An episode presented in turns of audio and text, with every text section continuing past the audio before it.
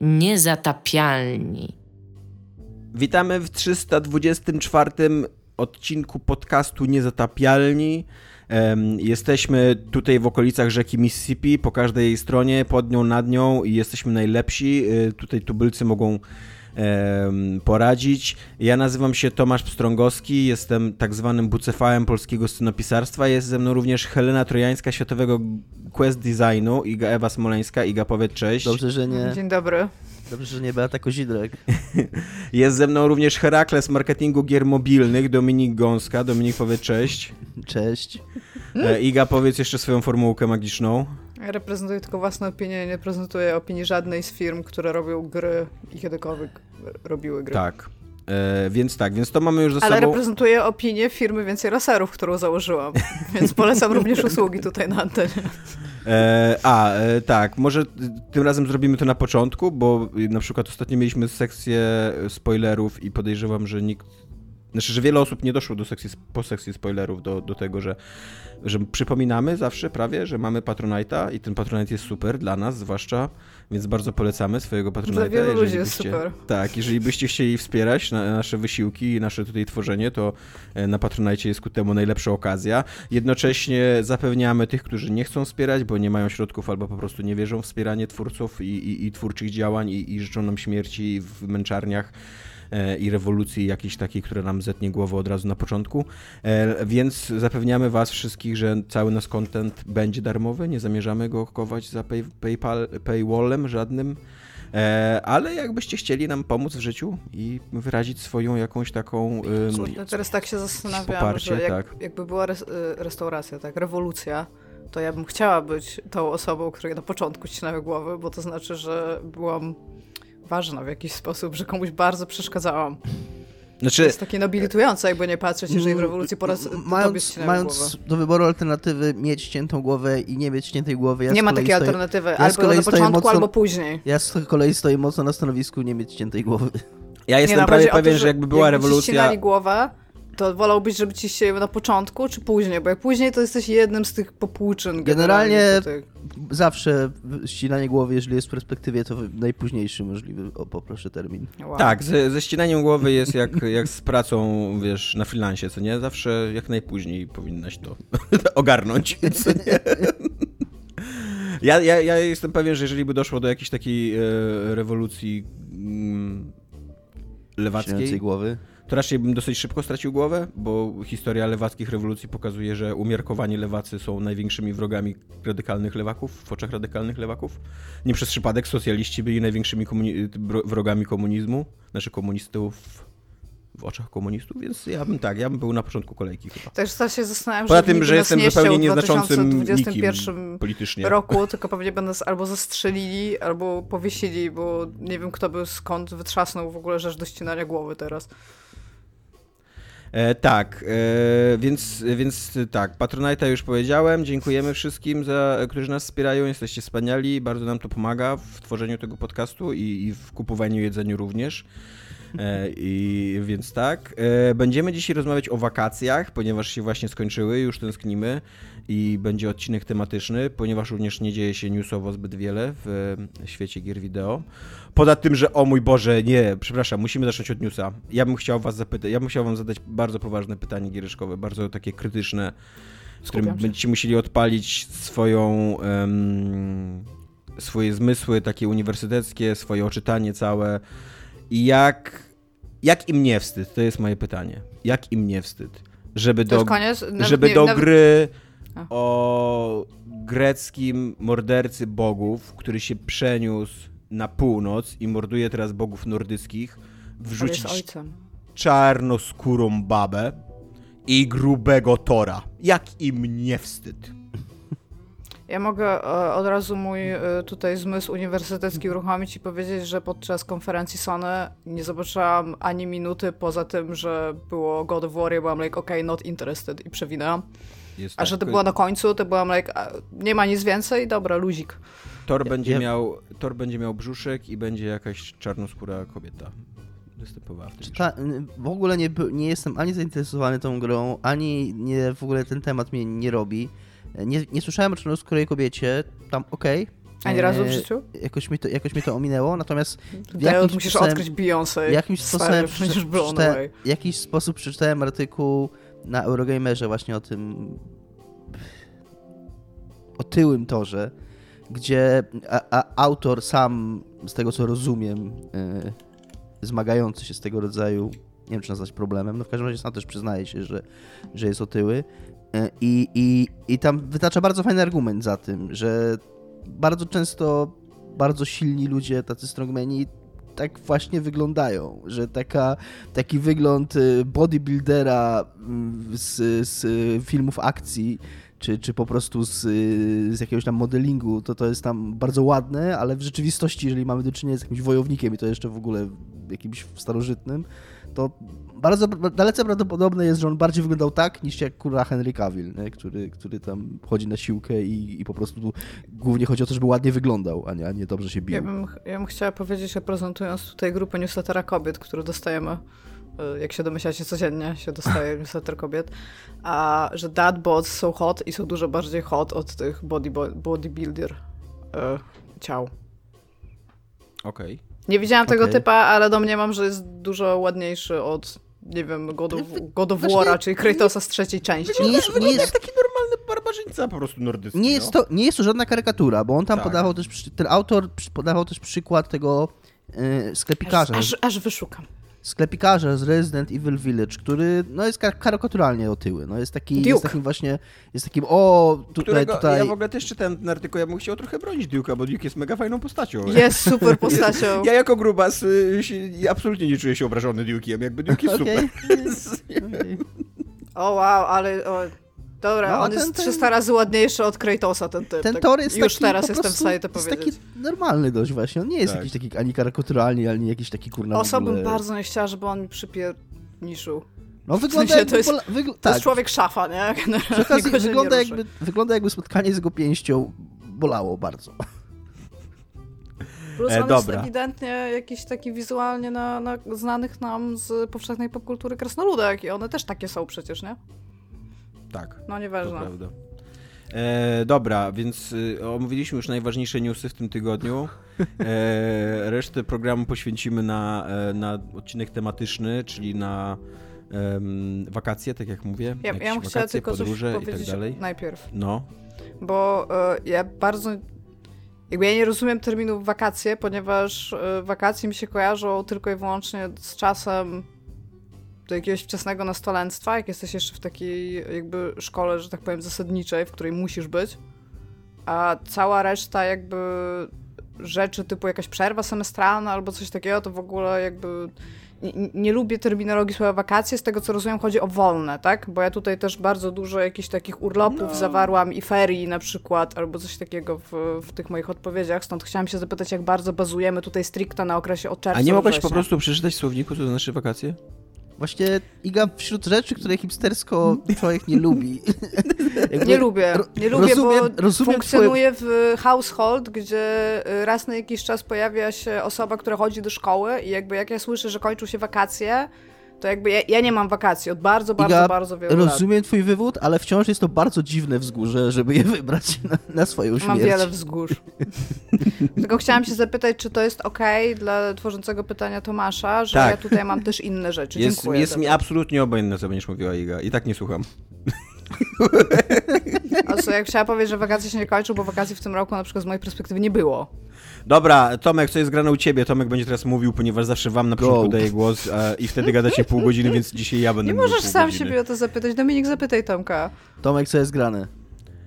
E, są u mnie grane dwie książki, e, więc będę mówił teraz dużo o literaturze. E, chciałem mówić o Dune, ale stwierdziłem, że o Dune to pogadamy pewnie więcej jak wyjdzie film, bo i ja i Dominik jesteśmy chyba na maksa nakręceni na ten film, więc podejrzewam, że z pół odcinka wtedy poświęcimy Dune. Ze spoilerami pewnie, więc nadgońcie czytanie, jeżeli będziecie...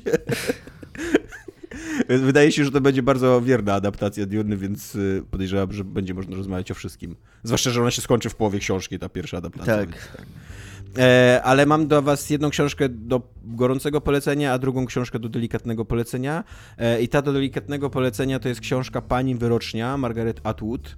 E, Margaret Atwood jest trochę taką pisarką, którą odkryłem niedawno dla siebie i czytam teraz kilka jej rzeczy. Znaczy, czytałem właśnie, słuchałem pani wyroczni, a teraz jeszcze czytam jej eseje o pisaniu.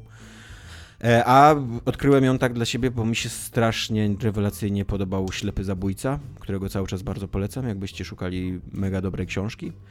E, I Pani Wyrocznia to jest taka książka z wczesnej kariery Margaret Atwood. Widać to moim zdaniem jeszcze. Ona jest taka niewyrobiona do końca. Jest to historia takiej mm, Kanadyjki, e, pisarki, która pisze, że się tak wyrażę, na dwa fronty, bo z jednej strony pisze powieścidła takie, to są takie horrory historyczne, ale z takim silnym wątkiem romansowym i tak dalej. No w każdym razie e, ona, je, ona sama jakby nie traktuje zbyt poważnie tej twórczości i nikt dookoła niej nie traktuje poważnie tej twórczości. Ona oczywiście ją tworzy pod pseudonimem, e, no ale jakby zarabia na tym duże kasę, a przy okazji też e, wydała książkę, taki eksperymentalny jakby zapis yy, myśli poetycki, coś takiego. Jakby ta książka nie jest cytowana tutaj niestety. Bo jak, y, te, te jej są cytowane czasem w książce, a ta, ta, mm, ten zbiór poezji tylko tam ze dwa razy takie bardzo krótkie fragmenty są cytowane, więc nie do końca można ogarnąć, jak, to dokładnie wygląda. No ale w każdym razie ta książka jest literackim takim gigantycznym wydarzeniem, wielkim sukcesem e, i tak dalej. I my poznajemy mm, tą główną bohaterkę w momencie, kiedy ona ucieka do Włoch I ktoś ją, ona się nazywa Joanna Foster w ogóle, właśnie sobie przypomniałem. E, ona ucieka do Włoch i wiemy, że ktoś ją ściga. I ona jakby opowiada, opowiada historię swojego życia tak retrospekt, retrospektywnie. E, I opowiada o tym, że jak, jako dziecko jak się zmagała z nadwagą, jak to wpłynęło na jej samoocenę, później jak tam wyjechała do Wielkiej Brytanii, jaką miała e, matkę nadopiekuńczą i ojca takiego zupełnie obojętnego, e, później o swoich mężczyznach swojego życia, jednym z nich był w ogóle polski hrabia i to jest, to jest tam jest bardzo fajna definicja. Szanuję taka, to ogólnie, tak. jakby jak, jeżeli wyobrażam sobie kiedyś w przyszłości siebie, to chcę być hrabiną. Nie, ale tam jest bardzo fajna definicja, Z, zazwyczaj w ogóle obraz że się tak wyrażę, naszej mentalności. Tutaj to nie, jest, nie śmiej się z moich marzeń, Dominik, zaprzestań. Nie, tak uważam, uważam, że to jest bardzo dobry taki, taki, taki, mm, taki cel do realizacji, cel kariery. Tak? Kariery, no, bo jak nie, ale... za hrabiego, to to będzie krok karierowy. Iga, ale to jest, to jest taki zubożały polski szlachcic, bo to jest po II wojnie światowej i on jest na To nie jest ważne, ja chcę mieć po prostu tytuł hrabiny. E, I jak, jak zazwyczaj, y, nawet jeżeli chodzi o jakichś wypiętnych pisarzy zachodnich, to o, o, mam tak dosyć podejrzliwie podchodzę do ich charakterystyki ludzi z Europy Wschodniej, bo jest dosyć stereotypowa. Do dzisiaj pamiętam, jak Jonathan Frazen napisał, że jego, jego bohater jak trafił do Polski, to że ludzie wyglądali jak Jan Paweł II. to tak, jest to zabawne, ale Co nie ma to... widać e, patrząc na was i na mnie tutaj na tym oknie. To tak, tutaj ten polski hrabia jest spoko, bo on na przykład właśnie jest po, tuż po II wojnie światowej i on się zajmuje głównie fantazjami na temat tego, żeby jak najszybciej wybuchła trzecia wojna światowa, a kiedy ona mu zwraca uwagę, że przez trzecia wojna światowa jakby wtedy, teraz już w epoce broni nuklearnej doprowadzi do końca świata, to on mówi, że absolutnie nie ma nic przeciwko, bo tu, tu chodzi tylko o to, żeby można się było rzucić do walki w takim romantycznym zrywie i właśnie im bardziej, wow. im bardziej przegrana będzie ta walka, tym lepiej, tylko żeby oni mieli tą... Ci... To jest bardzo polskie, tak tak, drogą. To właśnie ta mhm. taka polska szlachta, żeby miała taką szansę się odkuć jakby po tej porażce II wojny światowej i jeszcze, jeszcze raz ruszyć w cwał, nie przed siebie. No i tak, najpierw jest ten polski hrabia, później jest socjalista jej, jej, jej facetem, a później jest jeszcze trzeci jej facet, to jest taki poeta eksperymentalny. Oni wszyscy ją bardzo z góry traktują, pomimo tego, że ona jest dużo bardziej utalentowana niż, niż oni. E, I, I to jest właśnie ciężko powiedzieć, o czym jest ta książka, bo ona jest tylko taką opowieścią o życiu tej Joan Foster. E, to jest dobrze napisane powieścidło, jakby dosyć ciekawie się poznaje jej losy, ale wydaje mi się, że nie ma tam nic więcej. Ja jakbym miał wyciągnąć tak trochę na siłę coś więcej, to właśnie to jest taka chyba obrona trochę takiej czystej przyjemności z czytania, z poznawania fabuły, takich właśnie powieści, które stereotypowo uważamy za literaturę kobiecą, że tak jak ona pisze te książki, tak ta cała pani wyrocznia Margaret Atwood jest też taką książką po prostu o, o kobiecie, jej życiu, jej borykaniu się z czymś i też jest właśnie przez to, że jest ten wątek taki włoski, że wiemy, że tam w pewnym momencie dojdzie do jakiejś tajemniczej rzeczy w jej życiu i ktoś ją będzie ścigał i tak dalej, to też jakby wisi nad tym jakiś taki cień, taki tajemniczy, Intryga. horrorowy, tak, ale ale to nie jest książka pokroju tam Onyxa i Derkacza, czy tam um, jak się nazywał ten serial na podstawie Margaret Atwood o położnych? Nie, nie, nie, nie o położnych. No, ten mm, kojarzycie na pewno. Ta taka dystopia przyszłości o tym, że... O opowieści podręcznej? Opowieści tak, podręcznej, tak. No. Więc to totalnie nie jest literatura tego formatu, a już na pewno nie ślepego zabójcy, tylko to jest takie tam sympatyczne coś do przeczytania i raczej zapomnienia, co nie? E, więc tak, jeżeli szukacie takiej e, książki, która jest trochę bardziej ambitna, ale nie za bardzo, takiej 6 na 10, to możecie przeczytać, ale ja, ja, ja się trochę męczyłem, szczerze mówiąc, już pod koniec. Już tak czekałem, aż ona się skończy. E, ale jako, że później postanowiłem spróbować inną, z inną książką też pisarki, na którą teraz mam trochę taki Um, masz crash flow. na pisarkę. Nie, nie mam na crasha. twórczość, na twórczość pisarki masz ty też, ty też masz crasha na nią, bo jak powiem, że to jest Sally Rooney, no, może mam. E, którą Iga właśnie przeczytała Normalnych Ludzi i Iga jako ceniasz Normalnych Ludzi. Jest rewelacyjna ta książka, po prostu nie mogłam się w jakikolwiek sposób oderwać, po prostu taki poziom bo to jest książka o problemach komunikacji międzyludzkich, po prostu. I tego, jak w jaki sposób różne aspekty społeczeństwa wpływają na to, żeby te problemy, które i tak i tak już są duże pomiędzy dwójką ludzi, którzy nawet dobrze I w jaki znają. sposób, tak, też różnice klasowe, płciowe tak, tak, i tak, tak. I właśnie o to, o to chodzi, że one to jeszcze jakby podsycają pod tym ogień wszystko i że tak naprawdę już jest bardzo trudno językiem, jakby, nie wiem, jakimiś gestami skomunikować bardzo proste i takie nawet fundamentalne rzeczy, a jest jeszcze gorzej ze wszystkim i ta książka po prostu co zakręt to robi coś. A przez to, że ona ma jeszcze takie skoki, że rzeczy tak. nie dzieją się jakby jedna po drugiej, tylko mamy takie skoki, że na przykład co się stało trzy miesiące później, kiedy wszystko się wydaje, że będzie w porządku i nagle jest naprawdę tragicznie i nagle jest zupełnie logicznie, dlaczego tak tragicznie to się potoczyło i się siedzi, to jest po prostu takie trzymanie człowieka tak cały czas na takim na takiej linie, że albo w lewo, albo w prawo zaraz spadniesz i nie dają ci jakiś balans, ale Jesus Christ, super jest ta książka. Naprawdę, naprawdę jest mega. I to jak ona się jest kończy też, jest w ogóle też bardzo, fantastyczna. Bardzo, jest... bardzo mądra i fajna książka, to właśnie ci normalni ludzie na temat um, przemocy psychicznej w związku e, i skąd ona się może brać, dlaczego niektóre osoby są bardziej podatne na tą przemoc, a inne mniej.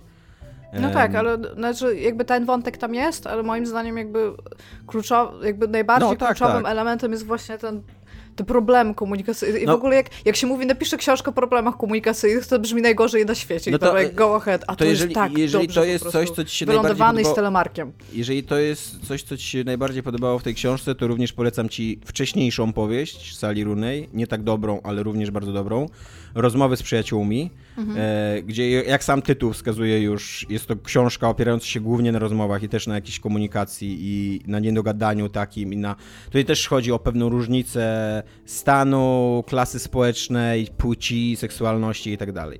I tak w takim krótkim zarysie fabularnym jest sobie dwójka przyjaciółek, Bobby i Frances. Fra Frances jest narratorką tej powieści. E, one są takimi studentkami, ale też z takiej bohemy trochę artystycznej, bo są poetkami, slamerkami, które mm, e, czytają poezję na żywo. E, ale to, to, to, co jest ważne, tą poezję tworzy tylko Frances. Bobby tylko jakby ją interpretuje i czyta, nie? I one kiedyś były parą, ale dzisiaj już nie są parą. Bobby jest lesbijką, a Frances jest biseksualna i poznają taką parę mm, dosyć wysoko postawionych, bogatych e, ludzi, właśnie też z takiej bohemy artystycznej Dublina. E, Melissa jest dosyć rozchwytywaną dziennikarką i fotografką, a jej mąż Nick jest aktorem takim głównie teatralnym, ale też występował w jakichś serialach i filmach, więc to nie jest tak, że jest tylko jakby takim artystowskim, tylko że jest, jest też takim trochę kasowym aktorem, nie? No i jak to u Sali Runy, jeżeli czytaliście normalnych ludzi, to bardzo szybko się komplikują stosunki tak. pomiędzy w tej, w tej czwórce, co nie? Dochodzi oczywiście do jakiegoś romansu. Nie, to moim zdaniem to nie będzie spoiler, ale na wszelki wypadek nie powiem, kto tam z kim zaczyna romansować. No i zaczyna, jakby powstaje, cała ta książka jest o takiej grze przepychaniu się, grze o władzę, o siłę, o, o jakąś własne, taką własną podmiotowość właśnie w tak skomplikowanym związku emocjonalno ludzkim, bo tam wszyscy, mają do, wszyscy mają do siebie jakieś takie zaległe mm, urazy. Okay. Tak, oni też, oni też się wszyscy poznają na świeżo, więc niewiele o sobie wiedzą, więc na przykład jak jedna postać wchodzi z drugą postacią w związek, to dopiero po pewnym czasie się dowiaduje, że ta postać była w środku jakiegoś kryzysu psychicznego na przykład, albo że jej związek drugi przeżywał to, a tamto, no a wiesz, ona się jakby tym nie interesowała, jak tam szła do łóżka, po prostu tylko poszła do łóżka i tyle, co nie? E, bo, bo taki, taka, tak, taka była chemia jakby w tym momencie i nie, nie pytasz się wtedy, a w jakiej sytuacji jest teraz twój związek, w którym się znajdujesz, co nie? Rzadko się pytasz tak. I jest, jest to bardzo dobra książka, ona na początku jest trochę nudna, ale później jak się ta drama właśnie cała taka interpersonalna, miłosna rozkręca, to, to wciąga niesamowicie. Jest świetnie napisana, bo Sally Rooney w ogóle ma chyba jakiś kurde fetysz na temat właśnie komunikacji międzyludzkiej i pisze rewelacyjne dialogi. I pisze, ma taki wielki talent do, do pisania takich dialogów, które się zaczynają zupełnie normalnie, a później nagle się orientuje, że ci bohaterowie, którzy zaczęli tam rozmawiać jakieś pierdole, nagle rozmawiają o absolutnie kluczowych dla siebie sprawach. Mhm. I że to jest tak na granicy awantury, zerwania i nie wiadomo czego jeszcze, co nie? I, i to bardzo, bardzo naturalnie wychodzi taki rozwój rozmowy, co nie? Tak, tak jak zresztą w normalnych rozmowach związkowych, jakby zazwyczaj największe awantury się zaczynają od jakiejś zupełnej pierdoły. Pierdół, no. tak, co nie? I nagle trzy godziny później się orientujesz w tej rozmowie, że kurde, jak my się tu znaleźliśmy, co się wydarzyło po drodze. Ja, może jednak wyniosę te śmieci, nie? tak, tak. Może, może jednak lepiej wynieść śmieci niż iść na terapię.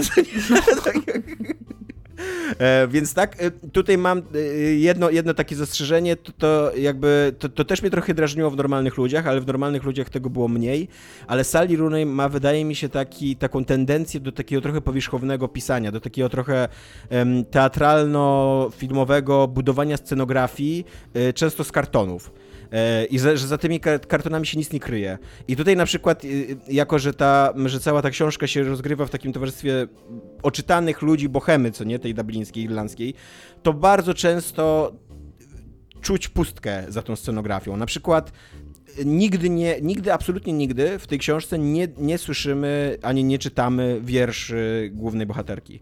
Tak, ale to też masz w normalnych ludziach. Jeden z bohaterów tak. pisze opowiadania i nawet nie wiesz o czym on tak. pisze i w jaki I na sposób. Przykład, One i... są albo dobre, albo, tak. albo sami ocenia jako Dokładnie. I na przykład y, y, są takie zdania, że poszli na film i kropka, co nie? Jaki to był film, po co poszli? Albo, że wzięła z półki powieść historyczną, co nie? I to jakby masz takie wrażenie, że on, on to jest po prostu potrzebne, żeby taka scena właśnie ta, teatralna się toczyła, mhm. że teraz bohaterka podchodzi, bierze rekwizyt A i, i, jakby udaje, że jest mniej zainteresowana konwersacją, przygląda się rekwizytowi A, ale w literaturze to się tak sobie z, z, jakby z,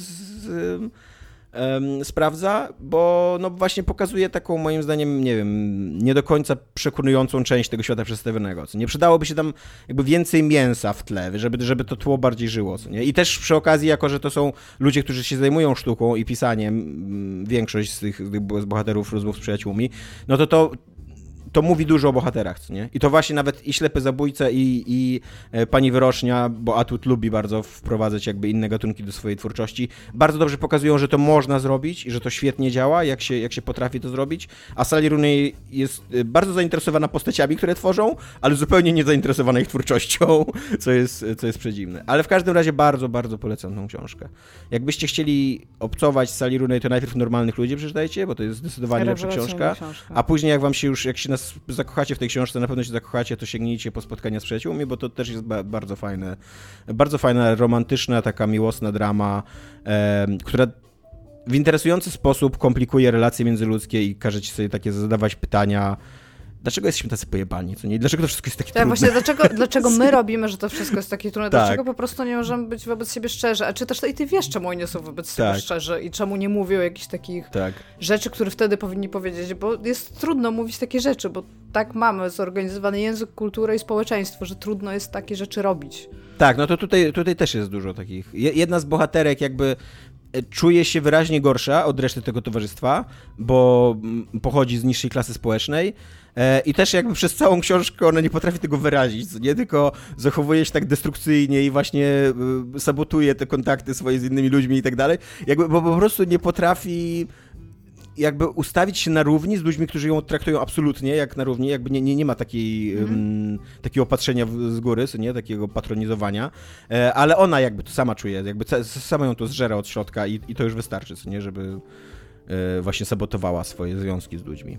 E, no, to to jest grane u mnie. E, następny będzie Dominik, pewnie też z monologiem wielkim wyleci. Zobaczymy. E, a tymczasem idziemy do naszego tematu i pytanie pierwsze. Do jakiego fikcyjnego świata chcielibyście pojechać na wakacje? Iga, wakacje to jest taki czas, kiedy odpoczywamy. Wiem, wiem, ja mam na to, ja mam na to dobrą odpowiedź. i, I tu jest jeszcze takie pytanie y, w nawiasie. Jakie fikcyjne światy tylko wyglądają pociągająco z zewnątrz, a jakbyście tak naprawdę pojechali tam na wakacje, to by się okazało, że są bardzo opresyjne i beznadziejne. No, Iga. A, no to ja mam odpowiedź na oba te pytania i to jest realnie jakby nie, nie odpowiedź jakby cop-out, tylko realnie i to jest Bioshock, w sensie Rapture w, w okresie świetności. Też pomyślałem o Rapture. Chciałabym być w mindsetie ludzi, którzy byli w Rapture w okresie świetności. Chciałam Znaczy- to zobaczyć, chciałabym wziąć wszystkie te narkotyki, chciałabym być na tej ostatniej imprezie, aczkolwiek zdaję sobie sprawę z tego, jakie problemy ma Rapture jakby, nie? Nie, no to, Ale no to u mnie, u, ja od razu też myślałem o Rapture, ale tylko w tej drugiej części. Ja nie zgadzam się z Igą, znaczy to, jest właśnie, to jest właśnie idealny przykład czegoś takiego, co wygląda fajnie w teorii. Fajnie byłoby tam być, bo to super wygląda, bo to jest niesamowicie zaprojektowane, bo to jest ciekawe miejsce.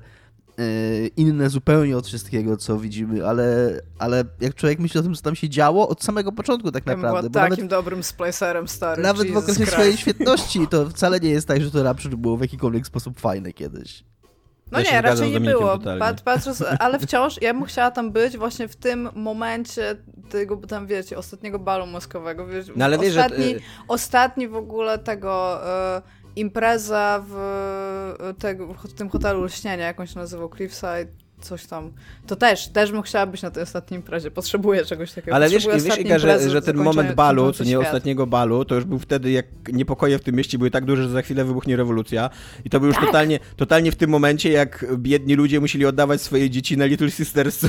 Tak, żeby- ja chcę, ja chcę żeby one harwestowały, mięsa, narkotyków i alkoholu, to ja chcę, mówię, ja chcę być na imprezie, która kończy, jest, jakby kończył się świat, jakbyś był świadomy tej apokalipsy, to ja chcę być na tej największej, kurde, imprezie, gdzie na końcu imprezy zjadamy wszyscy dużo tabletek nasennych i aspiryny, rozumiesz, nie? Jakby, jak najbardziej, chcę być w Rapture. To jest moja odpowiedź. Na oba pytania i mówię zupełnie szczerze, wydaje mi się to super. Okay. To ja mam inną odpowiedź na pierwszą część tego pytania, e, bo nie, bo stwierdziłem, że nie chcę być w Rapture. I nie chciałem też dawać swojej oczywistej odpowiedzi, którą mówiłem już wielokrotnie i ta oczywista odpowiedź się i tak powtórzy, ale w innym pytaniu i wśród jeszcze innych alternatyw. E, Więc tutaj musiałem się dosyć mocno wysilić i wymyśliłem też trochę na fali Psychonauts 2 i Tima Schafera. Wymyśliłem Brutal Legend, e, bo jako człowiek mm, już nie tak obecnie, ale za nastolenstwa e, bardzo entuzjastycznie podchodzący do muzyki heavy metalowej i całego tego sztafarzu heavy metalowego, ale takiego klasycznie heavy metalowego, już nie mówię tu o jakiś death metalu, black metalu, taki, taki klasyczny, idiotyczny heavy metal z wojownikami e, i, i jakimiś tam, e, e, wiecie, często przerysowanymi opisami jakichś bitew, czy jakichś tam Brzmi jak speed metal. Speed metal mocno, ale ten taki klasyczny heavy metal może mniej, ale on też wchodzi w, takie, w taki absurd. No Iron Maiden to Ma, ma romansy z tym, tak, jak najbardziej. Ja, ma, ja no. słucham ostatnio nowej płyty Iron Maiden swoją drogą, która jest zaskakująco dobra, jak na zespół tak długo grający.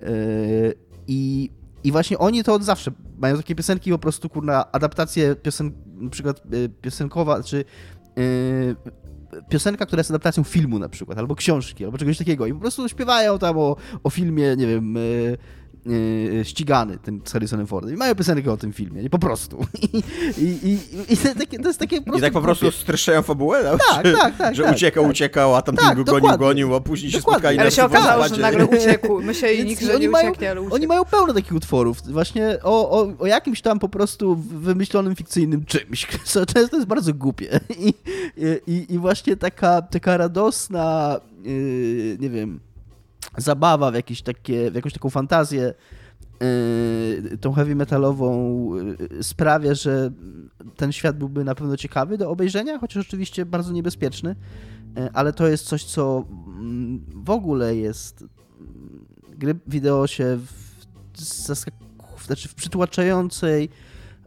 większości jednak opierają na przemocy, więc te światy, jakikolwiek świat gry nie wymyślisz praktycznie, to tam jest dużo przemocy i tak dalej, więc na to trochę przymykam oko. Y, Ale, ale tak, ale jeżeli chodzi o tą całą oprawę i muzykę, to, to wybieram tutaj Heavy Metal i Brutal Legend. Ja bym chciał tylko nadmienić, że hotel w y, Lśnieniu nazywał się Overlook O, Overlook Motel, no. i miał bardzo dobre tłumaczenie na polski. Hotel Panorama. E, więc, Mam więc bym kubek chcia- gdzieś z tego hotelu. Słucham? Mam kubek taki, jak oni mieli w filmie. Aha. Dostałam. I...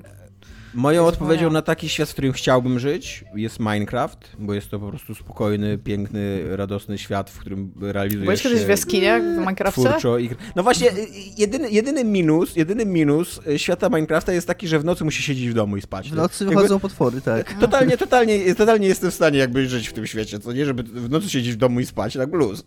Jest to, jest to dla mnie e, do przyjęcia. A, a w ciągu dnia po prostu wychodzisz sobie i, i realizujesz się kreatywnie i robisz sobie piękne rzeczy i, i z przyjaciółmi się bawisz i budujecie sobie komputer, kurde, z klocków i tak dalej, co nie?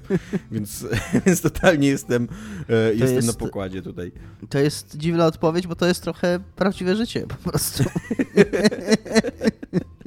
Znaczy prawdziwe życie bez e, żadnego jakiejś takiej presji społecznej, typu na przykład chcę zbudować dom, a nie potrzebuję na to pozwolenia. No tak, i nie potrzebujesz, no tak, po prostu Po prostu idziesz i budujesz, nie? No wykupujesz y, drewno z tych y, z Tak, albo właśnie ścinam, ścinam drzewa, nie? I tam like, też nie potrzebuję na to pozwolenia po prostu. I też nie, nie, nie kosztuje się to wysiłku, tylko po prostu podchodzisz do drzewa i puch, puch i na. Nie masz drewno. I możesz ścianę domu postawić z tego drewna. tak. Ja czasami a- biję pięściami w drzewo, żeby wypadało drewno, no.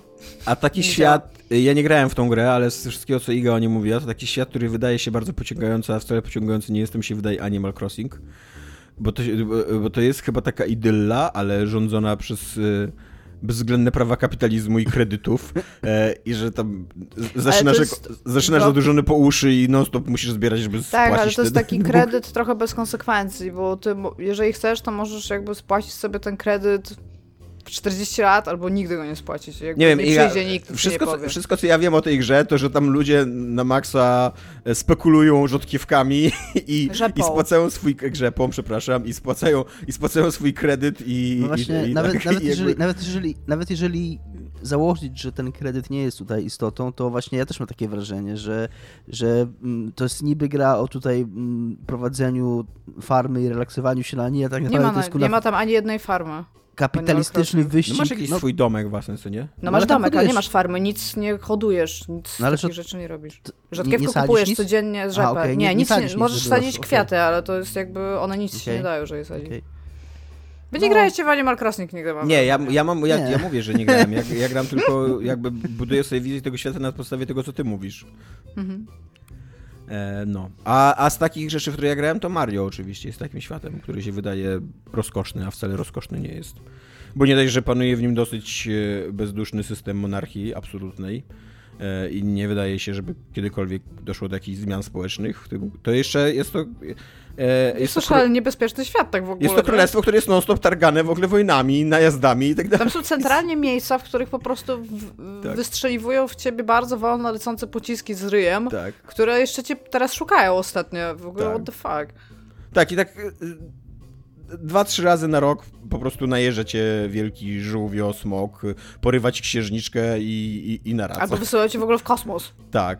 E, więc, e, więc ogólnie to jest, to jest taki świat, w którym raczej bym nie chciał mieszkać, pomimo tego, że ładnie wygląda. E, następne pytanie. Czy macie wrażenie, że w miarę dobrze znacie jakieś istniejące miejsce e, dzięki popkulturze, a nie odwiedzinom? To jest, Dominik, tutaj to jest to twoje pytanie, na które masz odpowiedź oczywistą, czy nie? Nie, nie, nie. Y, Ja, Ja nie mam. mam... Właśnie ja nie mam takiej... Od... Myślałem nad tym trochę, ale, ale nie wierzę, że, że jakiekolwiek prawdziwe miejsce znam w jakikolwiek sposób dobrze dzięki grom wideo. Iga machasz paluchami, co chcesz powiedzieć? Ja bo, robię takie plus jeden do ciebie, bo ja mam napisane centralnie nie, ponieważ opisy, analizę i jakikolwiek sposób e, oddziaływania w świecie w filmie czy w grze nie są w stanie ci pokazać lepiej tego miejsca i jego kultury niż jakakolwiek widokówka stamtąd. A, po- a nawet patrząc tak powierzchownie, nawet po- pomijając te kwestie kultury czy, czy jakiegoś prawdziwego życia w danym miejscu, nawet chociażby, ale mówiąc tylko o takiej stronie powierzchownej, czysto wizualnej, to mamy wrażenie, że gramy tam w Assassin's Creed'a w Londynie, czy w Paryżu, czy tam w, w Rzymie, e, czy, czy w Konstantynopolu i, i że tam to w jakiś sposób pokazuje nam to miasto. Te miasta się często zamykają na jakimś takim kwadracie 2 km na 2 km albo 3 km na 3 km. To są takie. Ja się często mam taką myśl, jak wyglądałoby, jakie byłoby to wrażenie chodzić po takim mieście z Assassin's Creed'a, które byłoby w takiej skali. To, było, to jest jakieś takie coś, nie wiem, z wesołego miasteczka, taki, taki, taki model. W ogóle idziesz, idziesz, idziesz i już nie ma miasta, nie? tak, bo to, to miasto mhm. Pewnie wielkości, kurde, Wrzeszcza, albo nawet mniejsze, nie? Gdańskiego. Y, tam zajmuje Rzym, czy, czy, czy Londyn w Assassin's Creed, nie? Yy, więc jest, absolutnie nie mam takiego wrażenia, ale yy, zaskakuje, ja grałem mam inną odpowiedź na to pytanie. Po prostu wymyśliłem sobie inne pytanie, w związku z tym, że nie mam odpowiedzi na to. Okej. Okay. Jak grałem w Dragon Age'a Inkwizycję, to i o tym będę mówił jeszcze dalej. Ja uważam, że mm, gry współczesne, szczególnie roleplaying fantazy, być może, to jest coś, o czym Sapkowski dawno, dawno temu pisał, że być może przez ten taki archetyp questa, że ten archetyp questa, na którego wyrusza drużyna, czyli tam Władcy Pierścieni, on już jest tak y, zużyty, że twórcy gier mają wrażenie, że to jest pójście na łatwiznę operowaniem tym questem, więc starają się robić coś innego, przez co gry bardzo często mają duży problem właśnie z takim wywoływaniu w graczu wrażenia podróży, że to są często, że oni próbują często jakąś inna, inną strukturę e, wymyślać tym grom, ponieważ taka struktura podróży z miejsca A do miejsca B jest jakoś tam postrzegana jako, jako mało pomysłowa. Przestarzała, mało pomysłowa, taka nieoryginalna, tak. E, więc jak grałem w Dragon Age Inkwizycję, który właśnie jest mm, jakby no mnóstwo rzeczy robi dziwnych, że on ma taką strukturę w ogóle jakiejś kampanii e, na mapie świata i tak dalej, więc żeby sobie jakoś zwizualizować ten świat, to strasznie dużo czytałem w Wikipedii. Ściągnąłem sobie mapę tego świata, bo nie ma w grze takiej prawdziwej mapy świata, są tylko jakiś taki wycinek.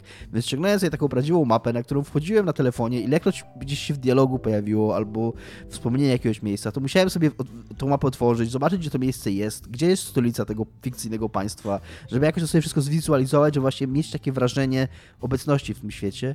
Więc jak w każdą grę grałem w tego Dragon Age dwa czy trzy razy dłużej niż powinienem, ale przez to na koniec, jak w niego grałem, miałem wrażenie właśnie takie, że kurde, ten fikcyjny świat Tedas z Dragon Age'a, kurde, jakby znam dużo lepiej niż powinienem. Niż to jest w ogóle, e, mimo że to nie jest zupełnie odpowiedź na moje pytanie, to jest dobra odpowiedź i dobre pytanie, które sobie wymyśliłeś. I ja odpowiem na twoje pytanie, ponieważ totalnie mi teraz przyszło, że totalnie tak miałem z tym, z The Hollow Knight. E, czy Hollow Knight bez T, nie pamiętam. Hollow Knight. E, e, z, Hol z Hollow Knightem. Też, też totalnie, bo to, tam to jest taka mm, ta Metroidvania, tylko taka Metroidvania na, na, na dragach, co nie? Na tam, na gigantyczna Metroidvania I, i totalnie sobie ściągnąłem mapę tego na telefon, bo nie chciało mi się cały czas wchodzić do mapy w grze, I, i, i, tak też miałem takie wrażenie, że okej, okay, teraz muszę tam wrócić i sobie przypominałem, aha, jest tam taka ścieżka ukryta gdzieś tam, coś tam i jak kończyłem tą grę, to miałem takie wrażenie, że wow, co nie, wow, poznałem fikcyjny świat tak na wylot, co nie, jestem no. tutaj może nie turystą, ale takim świeżym mieszkańcem tego świata. Ja mam, ja mam jakby antyodpowiedź na oba z tych pytań i to jest Night City. Nic nie pamiętam z Night City poza jakimiś takimi trzema scenami tego, jak to miasto wyglądało. I szkoda, przez to, że tam nie było questów po prostu. Ja pamiętam kilka widoczków, ale też Ale właśnie tak takie widoczki pamiętam, a widoczki, tak jakbyś się no. mnie zapytał, którędy się gdzie jechało, to nie dość, że ta minimapa jest... jeszcze była wtedy w takim stanie, że o, miałam tu skręcić i jakby nie pojadę dalej, bo już nie będę wiedziała, jak tam pojechać. Jest tak, tak, tragicznie źle to strasznie miasto. Niewyko- strasznie niewykorzystane. No. A szkoda, bo one było ładne, nie? Tylko tak. właśnie przez to, że tam nie było questów, to równie dobrze mogłoby go nie być. W sensie mogło być 300 razy mniejsze. A, a miałam takie właśnie wrażenie skali w nim, że jak jechałam z jednego końca na drugie, to o, kawałek musiałam przejechać jednak. No, to prawda, tak. E, ty, Iga, też nie masz odpowiedzi na to pytanie, że poznałaś jakieś e, miejsce. Ja napis- po powiedziałam, znaczy, że moim masz, zdaniem nie. nie. Się, tak? W sensie, moim zdaniem nie jesteś w stanie i możesz mieć jakieś wrażenie konkretnego miejsca, które jest przedstawione w danym dziele popkultury, ale nawet oglądając filmy dokumentalne na temat prawdziwego miejsca, na przykład, nie wiem, jakby ktoś nakręcił film dokumentalny o tym, jaki jest Gdańsk i dokąd powinno się iść, taki turystyczny w ogóle, to wciąż nie ma czegoś takiego, że po tym, jak go obejrzysz, to lepiej znasz Gdańsk. Ty musisz tam pojechać. Ty lepiej znasz ten dokument o Gdańsku, fakt, ale to jest dosłownie tak, jakbyś dostał widokówkę. Jakby fajnie, tutaj jest Neptun, tutaj jest Żuraw, E, I tam very okay, ale no nie, musisz pojechać, żeby zobaczyć No. miejsce i poznać kulturę. Ja przyjmuję wasz hejt na klatę, ponieważ jestem twardym człowiekiem i sami sobie wymyślajcie hejt. pytanie następnym razem po prostu. Nie, to jest ale- odpowiedź na pytanie moim zdaniem po prostu. Ja, Ja się w nie zgadzam, ja się nie zgadzam z Igą, bo Iga mm, jakiś taki w- y, osąd w ogóle wydała na takim najwyższym poziomie. Bo ja tylko siedziałam powiedziałem, że ja, ja, ja, nie, ja nie w- twierdzę, że to jest niemożliwe, ja tylko mówię, że ja nie mam turystyce takiej wiedzy. A Iga od razu no- weszła z, na wysokiego konia i w ogóle, że się nie da i spieprzej Tomek, więc to ona się nienawidzi, No ja nie właśnie. mam z tym nic wspólnego. Znaczy, ja, w ogóle nawet nie uznam, że Tomek jest na odpowiedź na tak na to pytanie. Myślałam, Ja że jestem po- na odpowiedź na tak. A, ale nie, to- ale nazwać cię Heleną Trojańską i już oczywiście strasz na wszystkich pod tobą. No. Z tego konia trojańskiego. Z tego konia trojańskiego dokładnie. Tak jak było w micie. który był, tak, który był centralnie koniem Heleny, Bardzo- no. I był bardzo wysokim koniem, I, i, i, i ta to scena ze sraniem na nich tam na dole.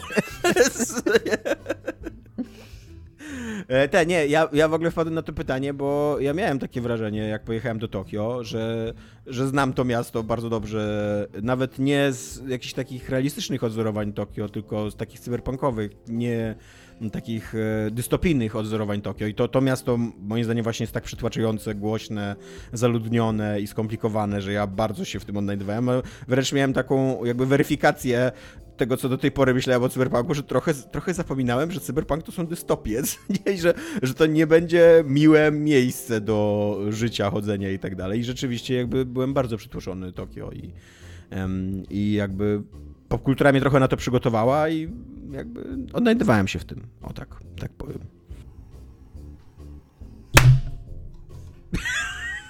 Kto tam jedną? Ja. To jedno w mikrofon. Nie w mikrofon, tylko w pop filtr.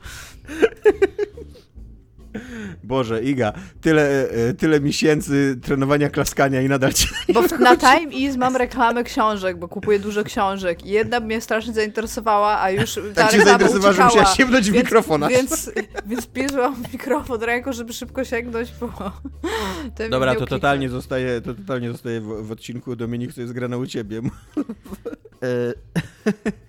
E, U mnie jest grane ostatnio, zacząłem oglądać serial Parks and Rec, czy właściwie Parks and Recreation, Recreation czy Recreations, e, który mi polecano wielokrotnie i, i, i bardzo silnie mi go polecano, żebym jako fan Brooklyn Nine-Nine e, i Good Place, dobrego miejsca e, i mniejszy The Office, ale no to jest z tego cyklu serial też Michaela Shura, znaczy on tam z jakimś drugim autorem, nie pamiętam w tej chwili, no ale to jest podobna, podobny serial też o miejscu pracy i też, który takim dobrem promieniuje i który ostatecznie yy, taki jest konstruktywny, taki, to jest taki w kontrze do, do, do, do cynizmu yy, takiego powiedzmy wcześniejszych lat dwu- 2000 no wcze- wczesnych lat powiedzmy 2000 przed, przed powiedzmy 2010 rokiem, kiedy taki cynizm raczej królował. E, I, i trochę, trochę czasu temu serialowi zajmuje, bo on przez to, że jest dosyć stary jednak, bo to jest 2008 rok, więc on e, nie jest od początku taki. Pierwszy sezon w ogóle jest bardzo krótki, tam ma 6 odcinków i jest jakby zupełnie inny tak w tonie. Jakby oni się zorientowali, to pod, podobną drogę też Brooklyn Nine-Nine przechodził, że on zaczyna jako taki to, dosyć standardowy serial komediowy i z takimi dosyć właśnie tanimi żartami i dopiero później, po jakimś czasie dochodzi do tego miejsca, że jednak fajnie jest pokazywać po prostu ludzi, którzy są mili dla siebie i, i sytuacje, które prowadzą do jakichś konstruktywnych rozwiązań i, i jakby i, i, i no. Więc to mu trochę zajmuje. Mi y, zajęło te, trochę czasu przekonanie się do tego serialu i nawet nie takie przekonanie, że ja go zaczynałem oglądać. Ja go nie chciałem oglądać, ponieważ fantazja serialu o ludziach pracujących w lokalnym rządzie bardzo małego miasteczka i to jeszcze w takiej komórce tego rządu, która się zajmuje parkami po prostu, no to brzmi na papierze super nudno.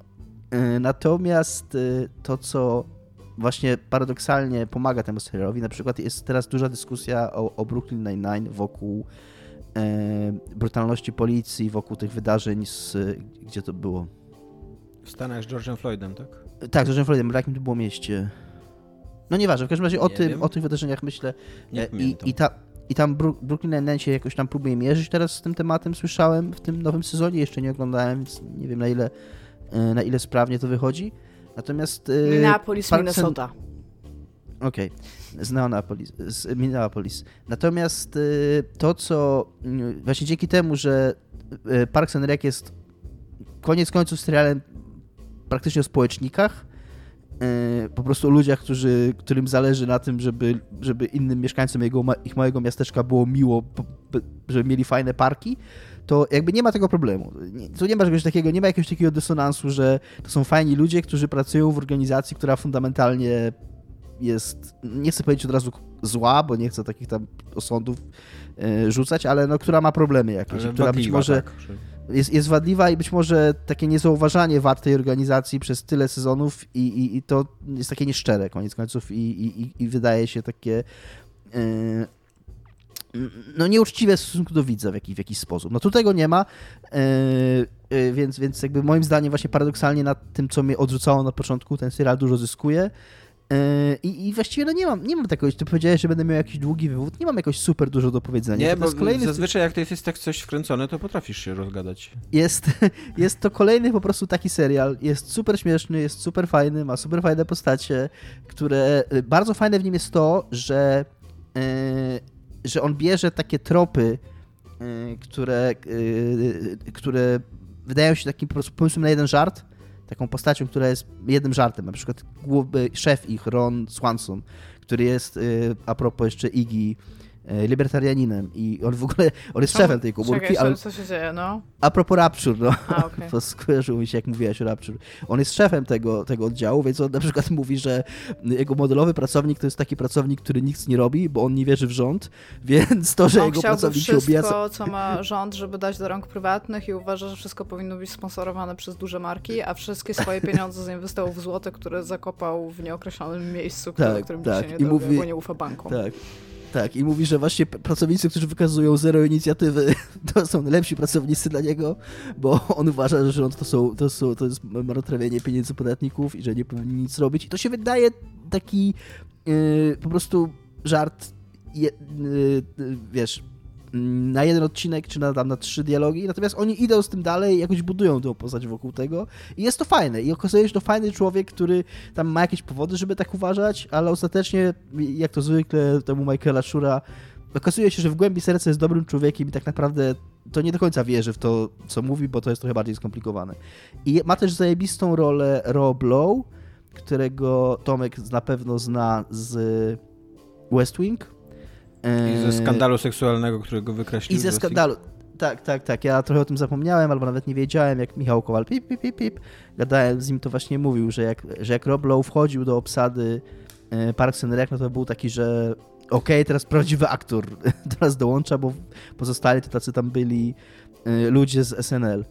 E, I on też ma, on ma taką postać, która którego cechą jest, też myślisz sobie, że to jest, ja w ogóle nie wiedziałem, że on będzie na dłużej, myślałem, że to jest taki żart na jeden odcinek, takiego super, optym, takiego karykaturalnie optymistycznego człowieka, y, który, który po prostu mówi każdemu, że jesteś, jesteś super, y, zrobimy to, jest rewelacyjnie i taki po prostu, taki promieniujący, taki, taki, taką energią, która się wydaje aż fałszywa, że takim po prostu jest, taką po prostu maszyną jest i, i jest, oni idą z tym dalej. Tak, jest bardzo oni, niedowierzoną no. postacią. W pewnym momencie chyba się skończył. Ten... To, w ogóle ten serial ma wiem. później taki taki thing i to bardzo szybko to zobaczysz, kiedy to się zaczyna dziać. Kiedy okay. niektóre postacie zostają tak trochę wycofane i te odcinki strasznie zaczynają dłużyć, bo chcą dać e, taki moment, żeby e, jakby widz również mógł się pożegnać i żeby domknąć wszystkie wątki i to jest, oh Jesus Christ, jakie to, to są najnudniejsze odcinki ever i okay. jego postać jest strasznie niedowieziona w tym momencie. Starają się tak no to... trochę odwrócić, jest, jest słabo.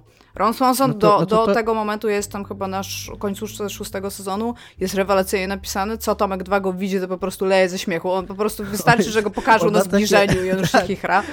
On ma takie teksty, takie, że kończąc ten, bo ja o czymś innym mówiłem, zupełnie niż Iga, to jest mi przykro teraz słysząc to, ale właśnie mnie w tej postaci y, y, zaskoczyło to, tego, y, jak on się jeszcze nazywa, teraz mi wyleciało, Chris. no Lo, Loa.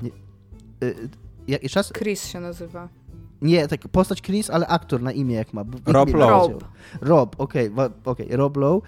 E, właśnie mnie zaskoczyło to, że, że, że ja myślałem, że to będzie takie po prostu, do, albo go wyś, albo wyśmieją tą jego postawę, albo po prostu powiedzą, że on pokazał, że on tak naprawdę taki nie jest, tylko że tam się coś za tym kryje, a oni właśnie idą w to tak z pełną mocą właśnie, że on taki jest, że są powody, że taki jest i dlatego taki jest i, i, i jakby jest takim człowiekiem i to jest fajne.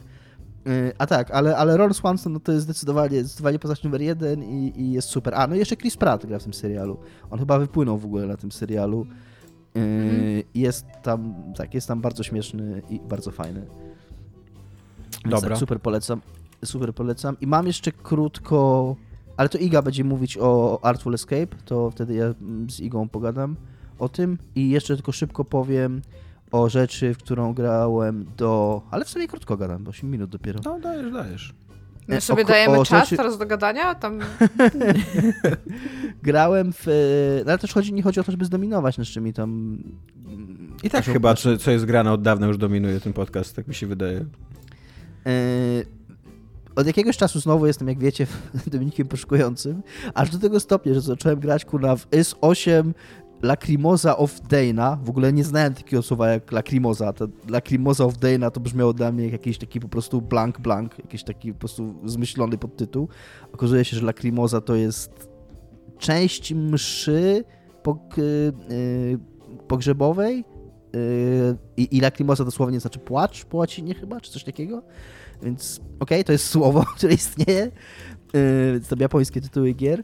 Yy, I pograłem nas 12 godzin i to jest po prostu taki już japońsko-RPGowa nisza, że nawet kuna Adam Piechota, który jest dla mnie człowiekiem od japońskiej y, JRPGowej niszy, w to nie grał i nie kojarzy Pozdrawiamy Tego. Patryka. Pozdrawiamy. Grałem w to z 10 godzin, nie wiem czy będę grał dalej. Wziąłem na to abonament Stadii i tu mam fajną anegdotę, bo to jest w abonamencie Stadii. Ale nie, nie, nie, ty najpierw powiedz, co to jest w ogóle za gra. Ty. To jest bardzo klasyczne JRPG, takie action JRPG, yy, gdzie się tam biega po wyspie, na której się rozbili, płynęli sobie statkiem, ludziki sobie płynęły i się rozbiły na wyspie i teraz muszą biegać po tej wyspie, zabijać potwory i tam budować wioskę sobie, żeby przeżyć i się potencjalnie wydostać z tej wyspy. I tyle się fabularnie mniej więcej przez te 12, 10-12 godzin, jakie grałem, się nic więcej fabularnie nie wydarzyło w tej grze, więc nie jest to jakiś tam- rewelacja. rewelacja. Bestseller. Dosyć- Chodzi jak ciepłe bułeczki. Dosyć fajna walka jest, yy, więc tam fajnie mi się naciska guziki, zabija potworki. Yy, wątpię, że bym chciał grać jeszcze dłużej. Wygląda to jak gra z Vity. Yy, biegać po takich małych, pustych, yy, mało interesujących wizualnie mapach. Jakby nie... Słyszałem, że to jest jakaś tam kultowa seria i że to jest jakaś tam w ogóle bardzo udana jej część. No raczej nie dla mnie. Natomiast mam tutaj fajną anegdotę, jak płaciłem właśnie ten abonament za stadię, to ja używam Revoluta do takich rzeczy, do, do płacenia przez internet i tak dalej. Yy, I, I Revolut był tak zaskoczony, że płaciłem za stadię, że mi zablokował kartę, że to jest jakaś podejrzana transakcja i że w ogóle niemożliwe, żeby ktoś płacił za stadię.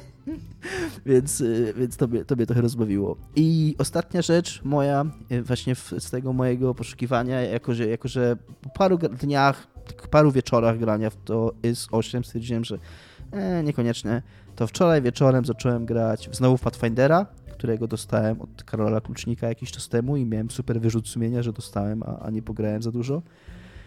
E, I jakiś czas temu wyszedł do Pathfindera, oprócz tego, że wyszedł dodatek, czy tam druga kampania, e, to wyszło, wyszła również jakaś tam edycja ostateczna, e, również z wsparciem dla konsol, co oznacza, że pojawiło się sterowanie na padzie, więc stwierdziłem, dobra, odpalę tego Pathfindera, zobaczę jak działa na padzie i jest super. I super mi się grało.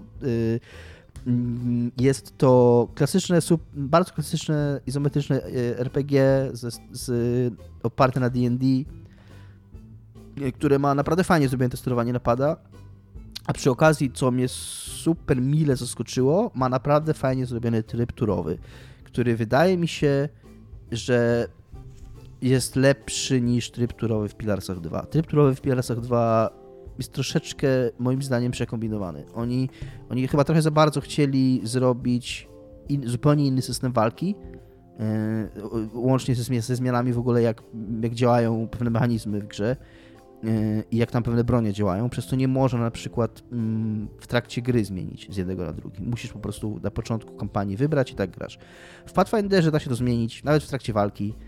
Y, ten cały tryb turowy po prostu mm, mm, sprawia tak, że y, robi to, że no bo normalnie walka tam działała tak jak w tych wszystkich y, real time, czy czas rzeczywisty z pauzą w tych wszystkich grach, czyli jak w Baldur's Gate, jak w Pilarsach, że jak leci czas, to tam tura powiedzmy co 6 sekund. Więc nie jest tak, że ludzik cały czas bije, tylko to co, co, co 6 sekund bije. No to tu jest zrobione tak, że tura to jest 6 sekund, masz jakąś tam odległość, którą możesz przebyć, plus tam jeden atak, jedne jakieś tam czary, coś takiego. Jest, to, jest po prostu rozbite to, co się dzieje e, w czasie rzeczywistym, jest rozbite jakoś tam na tury. I to działa super, jest to bardzo czytelne, e, bardzo fajne i i myślę, że w nas najbliższych dniach mm, trochę yy, zassam mnie ta gra, bo to yy, nie grałem w nią, wydaje mi się, nie, nie wciągnąłem się w nią jakoś super, dlatego że yy, ona była dość słaba do grania na telewizorze, oprócz tego, że w ogóle granie y, w grę taką point and click, y, jakąkolwiek, w sensie z kursorem, że muszę myszą operować na telewizorze jest dosyć niewygodne, bo mam mysz na kanapie, nadgarstek się szybko męczy i w ogóle to jest słabe, więc wolę grać na padzie. E, I wcześniej tego sterowania na padzie nie było. Wcześniej też chyba mm, to, co jest fajne, to to, że też jak masz, grasz na padzie, to. Yy, ale okej, okay, to być może nie wynika z tego, być może wcześniej sobie po prostu ustawiłem skalę interfejsu, że wszystko jest dosyć duże, że czytelne, naprawdę spoko się gra. Yy, do, dobrze to zrobili do grania na konsolach, więc, więc myślę, że i ma super podróżowanie, więc, więc będę grał w tego Pathfindera. Pathfinder Kingmaker.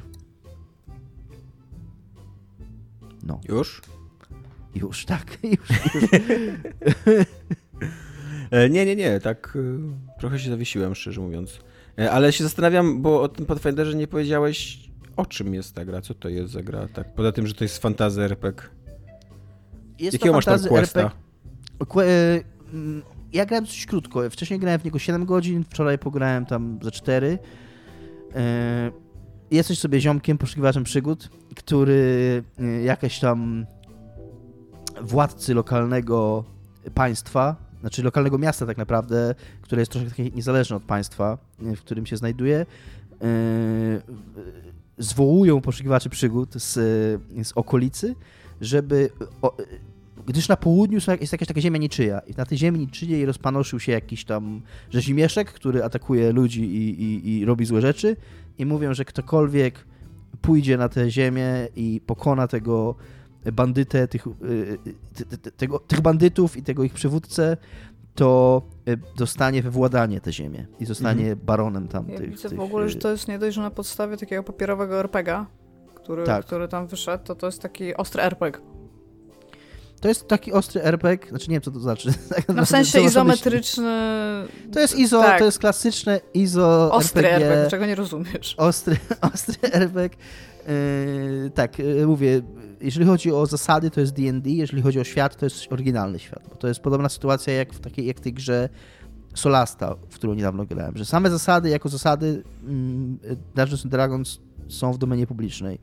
Dopóki wymyślisz swój świat, to tam to jak działa walka i jak się rzuca kostkami, to możesz używać. Mhm. Yy, I, I jakby takim, yy, taką cechą szczególną tej gry yy, jest to, że jak już będziesz miał to, te swoje ziemię, to nim, tam jest jakiś element y, strategiczny. To znaczy, to jest, tam jest jakiś, jakaś, jakiś rozwój tej, tej, tej wioski swojej, czy tam y, twierdzy, którą, którą się przyjmuje. Jest tam jakaś polityka, którą się uprawia. Pewnie oczywiście to wszystko jest tam mocno uproszczone, no ale, ale autentycznie jest jakieś tam zarządzanie tym swoim tam hrabstwem, czy cokolwiek to jest. Nie? Teraz na to zwracam uwagę, bo ja gram jeszcze w Crusader Kings 3. Yy, więc to mnie bardzo interesuje, jak to działa. Yy, ale tak, ale poza tym, no to tam yy, tutaj na południu tam są potwory, są bandyci, idźcie ich zabić tam i zdobywać bogactwa i chwałę, bohaterowie, nie? Więc ale ma super y, mapę świata i super zrobione podróżowanie, podobnie zresztą jak ma właśnie Solasta, gdzie, gdzie musisz obozować, gdzie musisz dbać o, o racje żywnościowe, żeby twoi bohaterowie mogli obozować, gdzie tam jest jeszcze y, mm, taka wskazówka na jednym ekranie ładowania, że nie można spać w średniej i ciężkiej zbroi, więc, y, a, a możesz być zaatakowany w, w, nocy, więc wtedy ci wojownicy twoi, którzy mają ciężkie lub średnie zbroje, będą bez zbroi podczas napaści ewentualnej. Więc y, takie rzeczy mnie jarają i, i, i siedzę w, tym, w tych numerkach. Twoi I teraz jeszcze... ziomeczkowie mają piżamki, Dominik, tak jak grałeś w Nie wiem jeszcze, bo... jeszcze nie wiem, jeszcze nie wiem, bo, bo mm, mówię, wczoraj nawet nie doszedłem do tego etapu mapy świata, a, a wcześniej grałem na tyle dawno, że, że już nie pamiętam. Ale też przez to, że właśnie że mam teraz tą turową walkę, a że jak ja gram w takie gry, jak grałem wcześniej w Pilarsy, to i tak grałem tak, że tą autopauzę miałem na każde wydarzenie, więc to praktycznie była gra turowa. Więc to, że teraz mam faktycznie tą, to, ta walka jest naprawdę turowa i z tego, co tą chwilę pograłem, to wydaje mi się, że działa naprawdę fajnie to myślę, że, że to będzie. Moje poszukiwania być może się zakończą w tym miejscu. No dobra, to wracamy do tematu wakacyjnego. E, powiedzcie mi, Iga może, bo Dominik dużo hmm. gadał teraz. E, Iga może mi powiedz, czy zabierasz konsolę na wakacje? I jeżeli tak, to w co grasz? E, a jeżeli nie, to dlaczego nie zabierasz? Znaczy, e, Ostatnio, jak bo ja miałam przez bardzo, bardzo wiele lat taki thing, że przynajmniej przez miesiąc nie byłam w Europie, bo potrzebowałam tego i wtedy zwykle zabierałam ze sobą konsolę, natomiast przez no wtedy, kiedy jeszcze dało się podróżować poza Europę, to w ostatnie dwa wyjazdy nie wziąłem już konsoli. I teraz dlaczego? Dlatego, że po prostu praktycznie z niej nie korzystam, a bardzo, bardzo dużo tam łażę i to jest niepotrzebny ciężar, to raz, dwa, niepotrzebnie zabiera miejsce, trzy, może się zniszczyć więc z tego powodu. Zwykle na takie tam krótsze jakieś rzeczy zabieram konsole. Zwykle to są konsole starsze, czyli na przykład Game Boya, DSa, 3DS-a, albo Vita, albo PSP, bo mam jakąś potrzebę grania w gry starsze w tamtym momencie. Na przykład, nie wiem, Parasite Eve przechodziłam z tego, co pamiętam, na, na jakimś właśnie tam urlopie gdzieś. A Pokémon stare, czy przechodzę po prostu w kółko i w kółko na, na tych urlopach. Zwykle jakoś w pociągach albo w samolotach też, bo to też jest ta kwestia, że jeżeli gdzieś to są tylko momenty takiego downtime, kiedy czegoś albo nie analizuję, albo nie opisuję. A zwykle to są też gry casualowe, czyli jakieś visual novelki, albo Laytona, albo Attorney, albo takie, tego typu rzeczy po prostu sobie a, ogrywam. Ostatnio na przykład jak wyjeżdżam gdzieś, ale to głównie po Polsce, to na przykład biorę ze sobą Switcha, żeby w coś pograć, ale rzadko się zdarza, że realnie mam tak, że na przykład przez 5 godzin siedzę, bo cały czas staram się coś robić. Ja jestem ogólnie bardzo, bardzo dużo chodząca na jakichkolwiek y, wyjazdach, a teraz przez to, że jesteśmy tak trochę zamknięci w tym kraju i jesteśmy skazani na te kraje jakby które z nami sąsiadują, bardziej niż jakiekolwiek inne, no to y, jak jeżdżę, no to jeżdżę w górę, no i jak jeżdżę w górę, no to staram się codziennie bardzo dużo chodzić po górach, a nie siedzieć w domu i, i grać. E, albo też czytam na jakichś przystankach, bo też łatwiej jest wziąć książkę w plecach w góry niż konsolę, szczególnie, że jak będzie lało, to okej, okay, jakby wolę, żeby zalało mi książkę niż konsolę w taki sposób. E, ja z zasady nie noszę, nie, nie biorę konsoli raczej na żadne wyjazdy, bo tak sobie myślę, że fajnie jest odpoczywać od ekranów na wakacjach. E, raz jak grałem w, e, w Fire Emblem Three Houses, e, to wziąłem na wyjazd do Olsztyna taki kilkudniowy, to wziąłem konsolę i przegrałem totalnie cały ten wyjazd na, na konsoli i przegrałem jeszcze w pociągu, w tej i we w te i, i, i właśnie w Olsztynie non stop grałem, ale to jest totalnie taki wyjątek, który potwierdza regułę żeby zacytować to bezsensowne powiedzonko. Bardzo go nie lubię, tak. To tak. jest też jedno z wzgórz, na których mogłabym umrzeć. Ja mogę, na, to wzgórze, na to wzgórze mogę wyruszyć z tobą, Iga. Tak, a, a zas zasadniczo biorę, właśnie żeby odpocząć od, od ekranów, też staram się w ogóle nie korzystać z komórki, na przykład na, na urlopie. E, ostatnio w ogóle mi spadły, jak byłem na Podkarpaciu na takiej, na takiej wiosce u znajomych, to spadło mi używanie komórki z 2-3 godzin dziennie do 12 minut dziennie w ciągu tego tygodnia, więc, więc byłem z siebie mega dumny nice. i biorę książki e, ze sobą. E, głównie czytnik biorę po prostu taki, bo tak jak Iga mówi, jakby miejsce jest ważne podczas mhm. wyjazdu, a na czytniku mam tam 50 książek, co nie? I z czego 40 jest nieprzeczytanych jeszcze, bo kupuję książki na zapas, jak są w dobrej cenie po prostu. E, i, i, i nadrabiam czytanie. A masz Dominik? tak, e, mo, A, mogę ci zadać jeszcze, jeszcze pytanie czytelnicze. Czy na przykład masz tak, Możesz. tak, że e, jak masz masz nową książkę na, na, na, na Kindle, mhm. czy tam na jakimś tam e-book readerze, ale też masz fizyczną książkę, w której na przykład jesteś w trzech czwartych i wiesz, że na przykład jesteś tam na tyle długo, żebyś totalnie przeczytał tą książkę, którą masz w trzech czwartych, to bierzesz i to i to, czy zostawiasz tą książkę? Tak, tak? biorę i to i to. A właśnie, bo biorę ja też tak robię i to, to totalnie Dokańczam nie ma tą sensu. książkę i do... Tak. Ja jestem taki sobie w czytaniu dwóch książek naraz, zwłaszcza dwóch fabularnych książek, bo jeszcze, o ile na przykład jedna książka to są eseje, a druga książka to jest Mhm. y, fabuła, no to spoko, tam mogę sobie sięgnąć raz na jakiś czas do esejów, ale jakby moja, moja wyobraźnia jest w fabule, co nie? Ale jeżeli są dwie fabularne książki, e, to raczej staram się dokończyć jedną i później sięgnąć po drugą, więc to by było takie bardzo dla No mnie niewygodne. I Ja właśnie tak zwykle tak, tak robię jak ty, po czym się na przykład kumam na wyjeździe, a mogłam sobie wziąć tylko czytnik, jakby nie. I skończ, skończę tamto, jak wrócę do domu, bo potem się kończy No na nie, tym, no, że to kończę tak pierwszą, działa. Tak. a potem mam na przykład 30 stron tylko przeczytanych z tej drugiej, nie? Więc jakby... To tak nie działa, bo ja już jestem w tamtym świecie i ja chcę dokończyć tamtą historię i wiesz, i jakbym zaczął nową książkę, to bym cały czas albo zapomniałbym o tamtej, co nie jest fajne też, albo bym cały czas myślami był w tamtym świecie i zastanawiał się, co tam się dzieje, co nie?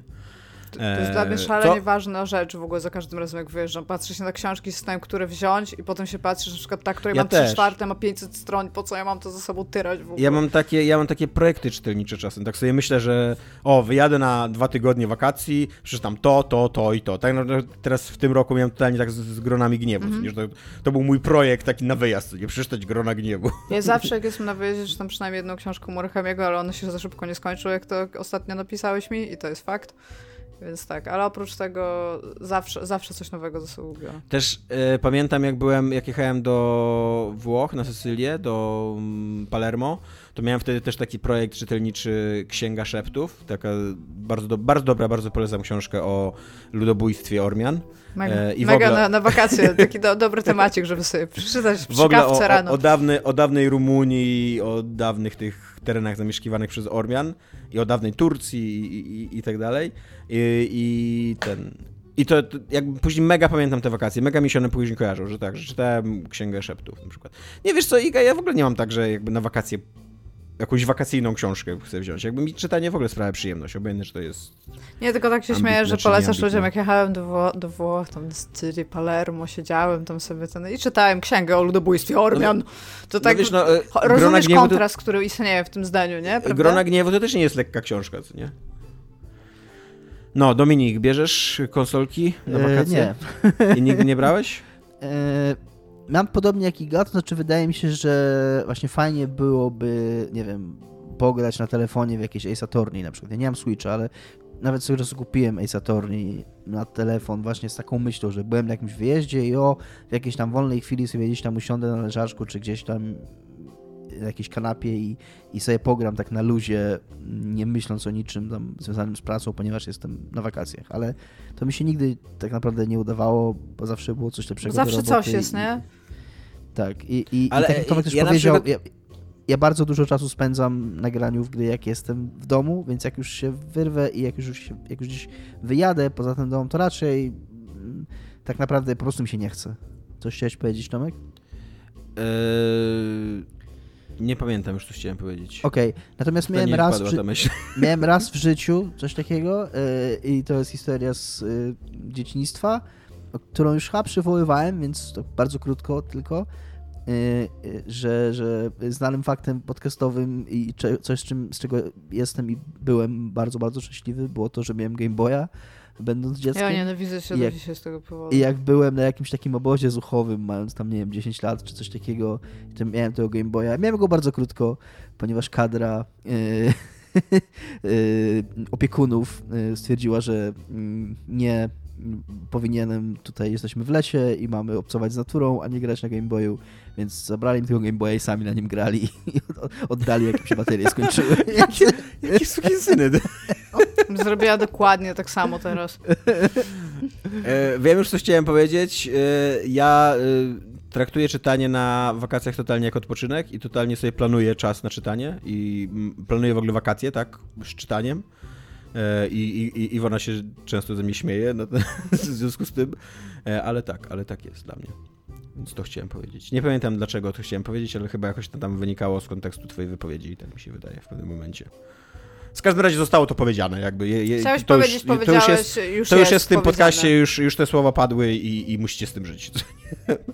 E, Dobra, i kolejne pytanko, e, takie trochę bardzo związane z tym. Jaki tekst kultury będziecie kojarzyć z latem 2021?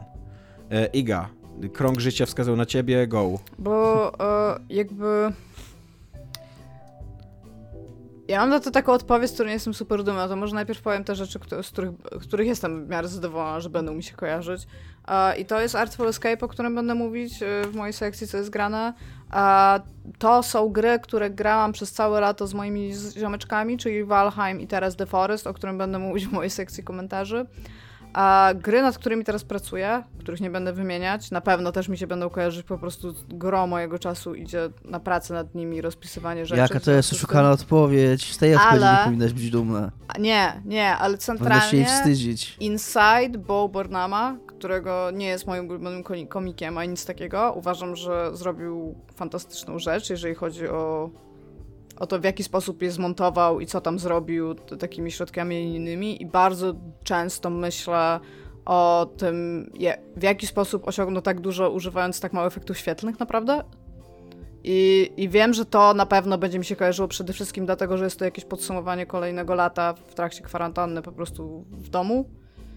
To kurde, centralnie często myślę o fakcie, że małymi środkami można zrobić coś wielkiego i on mi to tak bardzo mocno podkreślił. Wiedziałam o tym zawsze, ale to było to po prostu bardzo fajny, fajną formalnie rzecz zrobił. Więc z tego nie jestem dumny. Dominik, e, ty masz pewnie bardziej lepszą odpowiedź, po prostu sensowniejszą i bardziej Nienawidzę na temat. was i chcę, żebyście nie prowadzili za tego podcastu.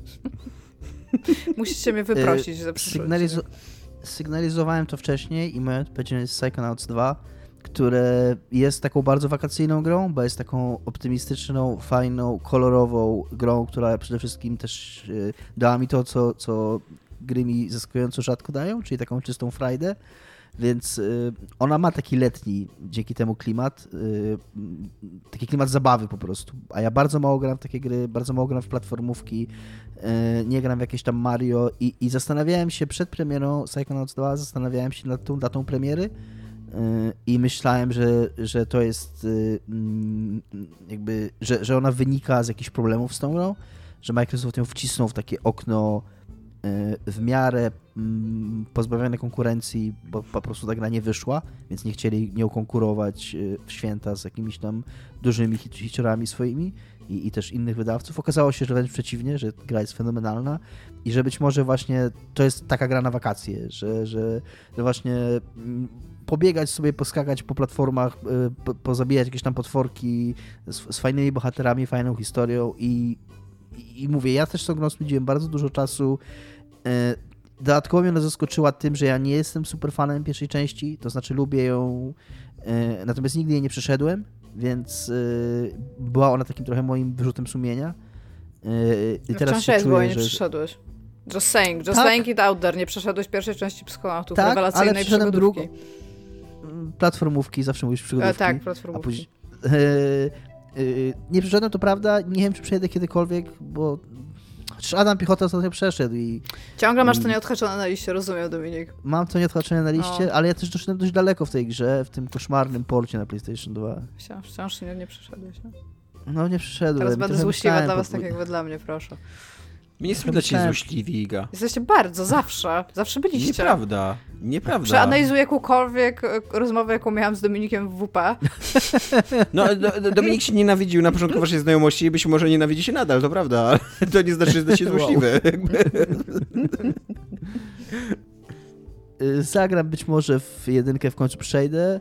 Mm, no ale tak, ale mówię, no kończąc y, na pewno będę pamiętał tą grę i na pewno nawet będzie mi się kojarzyć z wakacjami właśnie przez to, jak, e, jakie takie mm, wesołe emocje we mnie wzbudziła.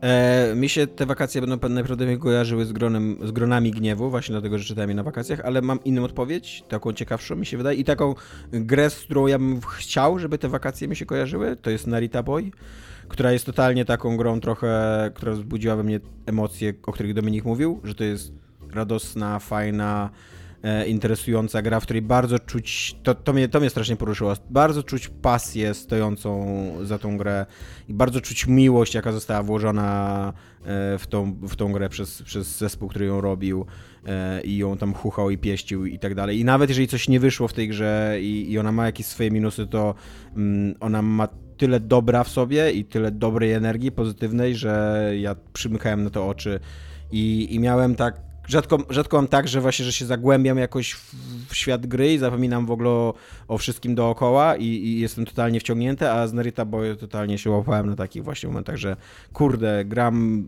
już długo i chcę grać więcej i dobrze się czuję w tym świecie i jestem wesoły, radosny i jest to super. Więc, e, więc to jest moja odpowiedź. Narita Boy.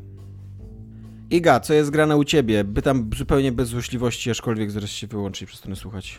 No tak myślałam. nie, nie, A, dziękuję. Ja, Iga, ja gram... Bardzo cię szanujemy, jesteś niesamowicie ważny aha, tutaj aha. wkładem jestem, w ten program. Po prostu jestem, Dobrze, że jesteś. Dobrze, chciałbym...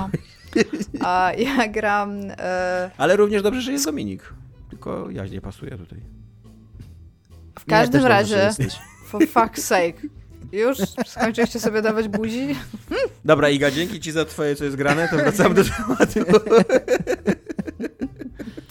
E, skończyliśmy Valheima właściwie tyle, ile w Valheimie jest i postanowiliśmy pograć w kolejną grę na kilka osób i to jest gra The Forest, to jest taki survival i teraz to nie jest horror, ale ma elementy horrorowe, a taki survival game, w którym zaczyna się w samolocie, ten samolot się rozbija i się trafia na taką a, w cudzysłowie bezludną wyspę, ponieważ na wyspie roi się od kanibali, co nie jest żadnym spoilerem, bo to widać już na samym początku e, tej gry.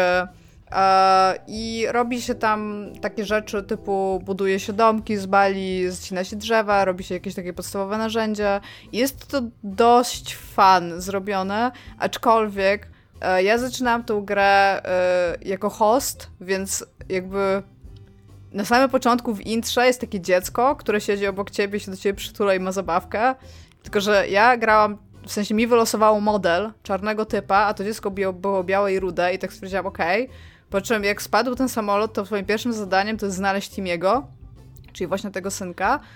Ale z jakiegoś powodu wszyscy mamy to samo zadanie, więc my tworzymy jakiś taki gejowski trójkąt, który ma to dziecko, ale nie siedzimy obok siebie w samolocie z jakiegoś powodu, bo oni siedzieli w innych miejscach, więc no szukamy bo, tego ale dziecka. Iga, to jest, to jest bardzo popularny problem. Weź spróbuj zarezerwować trzy bilety koło siebie w samolocie. Znaczy no, cztery, bo jeszcze jest dziecko, Cztery, nie? tak, no więc właśnie. tak, tak. E, Oso ten samolot był dosyć szczególnie, pusty. Gdzie, tak. gdzie chcą za to dodatkową ale, kasę, żebyś mógł sobie wybrać miejsce. Tak, a przy, a przy okazji, właśnie to chyba nie były tanie linie, bo to nie jest za duży samolot, więc do mnie że dosyć dużo musieliśmy zapłacić, żeby tam w ogóle do niego wsiąść. Mieli takie sobie żarcie, tak swoją drogą też wyglądało dosyć ohydnie, ale tacki są ważne, zaraz powiem dlaczego tacki są ważne. I tak jakby jedną z pierwszych rzeczy, którą robisz, to wychodzisz z tego takiego kadłubu samolota, e, jesteś taki dosyć ranny, więc właśnie zżerasz żarcie innych pasażerów, bierzesz tu tackę, zaraz, zaraz powiem po co ją bierzesz, e, bierzesz e, jakieś takie napoje gazowane i alkohol z tyłu samolotu i bierzesz też taki, to się nazywa flight manifest, taką listę pasażerów jednym z twoich zadań jest poszukanie tych ludzi, którzy byli też z tobą jakby na pokładzie tego samolotu. Jak się domyślicie, wszyscy nie żyją, ponieważ na, na wyspie żyją kanibale i zabijają w jakiś makabryczny sposób. Anyway, ta gra jest dosyć makabryczna, bo pierwsza rzecz, którą zrobiliśmy niechcący, to tam leży Kanibale ciało... to w ogóle też są jakieś takie potwory. tak, są, ale to dopiero później. To jest akurat dosyć spoiler, więc nie chciałam o tym mówić. Ale są... Nie wiem, to, to jest na trailerze totalnie, który mi się tu odpalił, jak włączyłem no, Steama. Być może oni nie uważają, że to jest spoiler, natomiast w pewnym momencie tak zaczynają się robić dziwni. A, I pierwszą rzecz, którą zrobiliśmy, i to było dosyć przez przypadek, bo jest takie ciało stewardessy, jak wychodzisz. Jest centralnie w tej alejce pomiędzy siedzeniami, więc musisz przez nie przejść. Czy my chcemy wiedzieć, I, Iga, czy my chcemy, żebyś kontynuowała wątek, co zrobiliście z ciałem stewardessy? Ona jest, e, ona ma w sobie wbitą siekierę, więc wyciągasz z niej siekierę, ale cały czas masz na nią prompt. I my ją skurwaliśmy i zebraliśmy jej ciuchy. Co zrobiliście? Wszyscy oskurowaliśmy ją. I, okay. Iga, pytałem się, czy my chcemy to wiedzieć? Ja, ale musicie Nie chcieliśmy wiedzieć, tego to wiedzieć. Jest, to jest tego typu granie. A, więc w każdym razie mamy teraz, wszyscy byliśmy poubierani w ogóle w ciuchy stewardess, co było W skórę stewardess, a nie ciuchy stewardess. Nie, nie, w ciuchy, ciuchy, bo ja. skóra jakby osobno poszła, ale w ciuchy. A co zrobiliście ze skórą? Ja nie pamiętam, coś tam się robiło z tym. My byliśmy bardzo confused na samym początku tego, cokolwiek tam się dzieje i co się tam tylko tam możemy robić lub nie możemy robić, bo bardzo szybko zbudowaliśmy sobie w ogóle praktycznie willę, ale potem zobaczyliśmy, że mamy szukać tego syna, o którym zdążyliśmy zapomnieć y, po tym, kiedy skurowaliśmy rzeczy. Zaczęli przychodzić ci kanibale. W pewnym momencie się okazało, że jak im odrobisz rękę, to możesz się zjeść i z tego masz kość, a z pięciu kości robi się dziwny armor jakiś. Więc tam się zaczynają dziać bardzo dziwne rzeczy, w których w tym momencie mamy chyba jakieś 60 ciał i po prostu rozczłonkowujemy je i wieszamy ich mięso do wyschnięcia, żeby potem móc je jeść. A oprócz tego jest dosyć duża eksploracja jaskiń. ale jeszcze za długo nie graliśmy, bo graliśmy dopiero 7 godzin. W każdym razie polecam The Forest z przyjaciółmi, jest to na pewno niezapomniane wrażenie tego lata. A powiedz, mi, powiedz mi, czy ta gra y, fabularnie jakoś wchodzi, żeby ci wytłumaczyć, coś tam dzieje na tej wyspie, Tam nie? fabuły praktycznie nie ma, A, nie jak ma. na razie. Znaczy w sensie zdobywasz e, jakieś tam takie szczątki, e, typu jakieś dokumenty albo coś takiego, ale tam, tam się dzieje weird shit, w sensie to nie jest tak, że to jest jakieś plemię, które jest kanibalistyczne mhm. i po prostu tak, no bo jak wszyscy wiemy, tutaj jesteśmy wykształceni, kanibalizm w przemianach zwykle ma tylko i wyłącznie podłoże ceremonialne i raczej nikt nie jest w stanie biologicznie pościgać się za długo tak. e, ciałem ludzkim. Nie jest to zbyt zdrowe. Tak, przeszliśmy już XIX-wieczny strach przed, przeciwko, znaczy, prze, strach przed, przed kanibalami. E, tak, przed, nawet nie przed kanibalami, tylko jakimikolwiek społecznościami pierwotnymi, których zwyczajów znamy, więc jakby nie uważamy ich automatycznie za kanibali. To to są tacy kanibale, co do ciebie tam biegają panie z gołym biustem i krzyczą i wskakują do ciebie golum, po prostu tak biegają na, na tym, więc to, to jest taki weird, to jest taki jakby weird fiction bardziej niż... E, jesteśmy w realnym... To równie dobrze może być, wiesz, Lost, to może być mhm. czyściec, nie? To jest naprawdę dziwne rzeczy tam się dzieją. Taki spoiler. O tak, spoilerujemy 2021 rok, spoilerujemy Lostów. A w każdym razie, e, jakby ja bardzo polecam, żeby pograć z przyjaciółmi, natomiast gra jest, tak jak wszystkie survivalowe rzeczy i wy się chyba tutaj ze mną zgadzacie, jest strasznie upierdliwa. Na zasadzie to, ile tam trzeba robić rzeczy, żeby po prostu żyć i gdzieś pójść, a przy okazji jeszcze walczyć, budować rzeczy. I my robimy jakieś defensy, które są po prostu ignorowane przez AI. Jakby bardzo dużo mam problemów z tą grą, ale bawimy się fenomenalnie dobrze. Więc tak, jest to. A poza tym e, jest gra, na którą chyba ja z Dominikiem czekaliśmy, ja nie wiem, czy Tomek, to na nią tak mocno czekałeś, czyli The mm, Artful Escape, która weszła wczoraj do Game Passa. No i ja usiadłam i ją przeszłam. Więc ja tutaj e, długa powiem, jest? 3,5 godziny mi chyba zajęła. Nie jest w ogóle długa. Mhm. I to są takie 3,5 godziny trochę z uśmiechem na ryju, bo ta gra e, to jest gra wizualna, to jest w ogóle gra muzyczna. Ona muzycznie jest na zasadzie tych takich zabawek amerykańskich Simon Says, czyli ktoś czerwone, czerwone, zielone, czerwone, zielone, żółte, czerwone, zielone, żółte, zielone. Się tak klika po prostu to, co, czego chcą od ciebie jakby postaci w tym świecie. Tak, Natomiast... ale nie jest ważne, żeby to w rytmie y, klikać. Wręcz tak. ona cię nawet zachęca, żebyś sobie swój rytm wymyślał. To jest in interpretacja, tak jakby, no ale w każdym razie to ten. A to ona wygląda fenomenalnie wizualnie. Ja zrobiłam jakiś milion screenów po prostu na wszystkim, co się dzieje, bo to jest taki E, to jest taka fantazja na temat takiego epickości e, rocka psycho i psychodelik, takiego e, z persony scenicznej Davida Bowie, na przykład Ziggy Stardust tak. and the Spiders from Mars. I to jest przeciągnięte w taką linię fabularną, w której chłopak, główny bohater, Francis, jakby tworzy personę sceniczną, natomiast on to robi na takim bardzo realnym, że tak powiem, podłożu, w którym zostaje wezwany e, do takiego jakby kosmicznego kontinuum, takie jakby rzeczy, która się dzieje jakby poza kosmosem, jest takim miejscem liminalnym pomiędzy miejscami w kosmosie, gdzie jest Jakim? takie muzyczne venue. Liminalnym? Liminalnym, miejscem pomiędzy. Okej. Okay. E, które... Też nie, nie, chciałem nic mówić, ale też miałem takie okay. no, Niezdapialnie bawiąc uczą, uczą bawiąc. No bo to jest bardzo ważne słowo w e, analizie każdego horroru, więc jakby z jakiegoś powodu już wiele lat mi towarzyszy. E, w każdym razie to, to jest taki music venue, który jest też takim wielkim statkiem kosmicznym po prostu, nazywa się The Space Lang a, i on musi jakby odnaleźć siebie i wyjść z cienia swojego wujka, który kiedyś był wielkim muzykiem. I on jakby cały czas i całe życie przez całe miasto, rodzinę i bliskich jest zawsze oceniany z punktu widzenia jakby tego, że jest jego uh, nephew, uh, bratankiem. Bratankiem. Tak, że jest jego bratankiem. No, no i jakby cała, cała ta gra jest o odnalezieniu ciebie, siebie i dojściem y, do tego, że być może nie spełniasz wszystkich rzeczy, które zostały ci zaplanowane, ale wciąż jesteś ok. I ona jest jakby tylko i wyłącznie o tym. O tym, że on realnie tworzy personę sceniczną w taki sposób, żeby móc dorosnąć jako osoba i artysta. Plus właśnie ona się głównie składa tak gameplayowo z dialogów i to są dialogi typu Oxenfree, w które kiedyś powinnam zagrać, zdaję sobie z tego sprawę. Uh, sekcji platformowo-zręcznościowych, które nie są za dobrze zrobione, ale są łatwe jak barszy. Tam ani razu w ogóle nigdzie nie spadłam, więc... Właśnie ja, ja czytałem recenzję taką, że to jest fajna gra, która robi dużo fajnych rzeczy fabularnie, ale że ona w ogóle nie jest y, wyzwaniem i że też w, W ogóle ogóle, nie jest się, wyzwaniem. w ogóle się nie rozwija też. No właśnie. Tak, jest- ale chodzi, chodzi głównie o to, że ona jest super, su, ona się super rozwija wizualnie, bo to, co się tam na samym końcu Mhm. Ale dzieje, nie, że jest gameplayowo się nie roz- rozwija. Tak, tak, gameplay to jest, to jest przyczynek w ogóle do tego. Natomiast bez tego gameplayu, bo się nawet na tym zastanawiałam, ona by nie miała takiego sensu, bo ona to jest laser show the game po prostu. To jest ten motyw, który jeżeli masz dobrego wi- wizualizatora na koncertach muzyki elektronicznej lub rockowej, to to jest dużo lepsze od samego koncertu, w sensie to, w jaki sposób to jest w stanie oddziaływać z dźwiękiem. I to jest gra o tym tak naprawdę, nie? To nie jest w ogóle gra muzyczna i ja w ogóle dostałam jakąś sugestię na Facebooku wczoraj, żeby w nią grać w słuchawkach. Nie, w ogóle nie trzeba, to jest w ogóle jakiś taki shredding na gitarze głównie. A nie, nie, ten, No właśnie, to jest moje... ja- wizualnie ja, to jest fenomenalnie fantastyczna rzecz. Ja chciałem coś od siebie dodać, ale, ale zanim dodam coś od siebie, to mam pytanie do ciebie, bo ja słyszałem taką opinię, że to jest bardziej y, album prog-rockowy y, niż gra i właśnie ja pograłem w tę grę jakąś Nie. godzinę wczoraj i zas- byłem zaskoczony, że tam nie ma tak naprawdę piosenek, są tylko nie, takie tam w ogóle jakieś, nie ma czegoś takiego. Jakaś, jakieś takie mm, No to jest shredding na gitarze po prostu. jakieś takie, prawie, jakieś takie no. improwizacje po prostu gitarowe, które możesz sobie grać i to też możesz sobie grać jakby w tle tak, tego, co się dzieje. Po prostu masz przycisk i bohater zaczyna tam sobie jakąś solówkę grać na gitarze i to jest wszystko tak naprawdę. I tam nie ja ma... w ogóle w życiu nie powiedziała, że to jest album, to, ta gra. Mówię, tam to nie, nie ma gra piosenek klasycznych albo utworów po prostu takich, że coś się dzieje w rytmie jakiegoś utworu, czy, czy jakoś, jako, jako tło Nie, no to, to mówię, jak dla mnie ta gra to jest, zresztą ona, ona sobie z tego zdaje sprawę, sama, sama w sensie, ona ci o tym centralnie mówi, to jest wizualizacja muzyczna. I To Okej. jest gra o wizualizacji muzycznej. E, Ja nie chcę tutaj e, sikać na mm, paradę Iggy.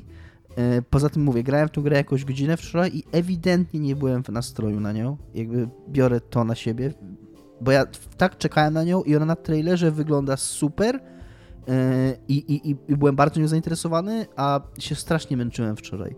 Męczyłem się po pierwsze, ona jest strasznie przefajniona. Taka po prostu żyga taką fajnością i, i pomysłowością, taką, takim właśnie, że masz takie wrażenie, kurde, dajcie spokój, jakby nie, może nie pomysłowością to jest do słowa, jakby, jakby właśnie, bo ona nie jest super pomysłowa, ja biegnę z lewej strony w prawo, nie? a jednocześnie tak mnie bombarduje jakimiś tam kolorami, dźwiękami, Mhm. światełkami, które się świecą i to mi się wydało jakieś takie puste, takie, a jak już mam przez coś przeskoczyć, to to skakanie jest naprawdę słabe.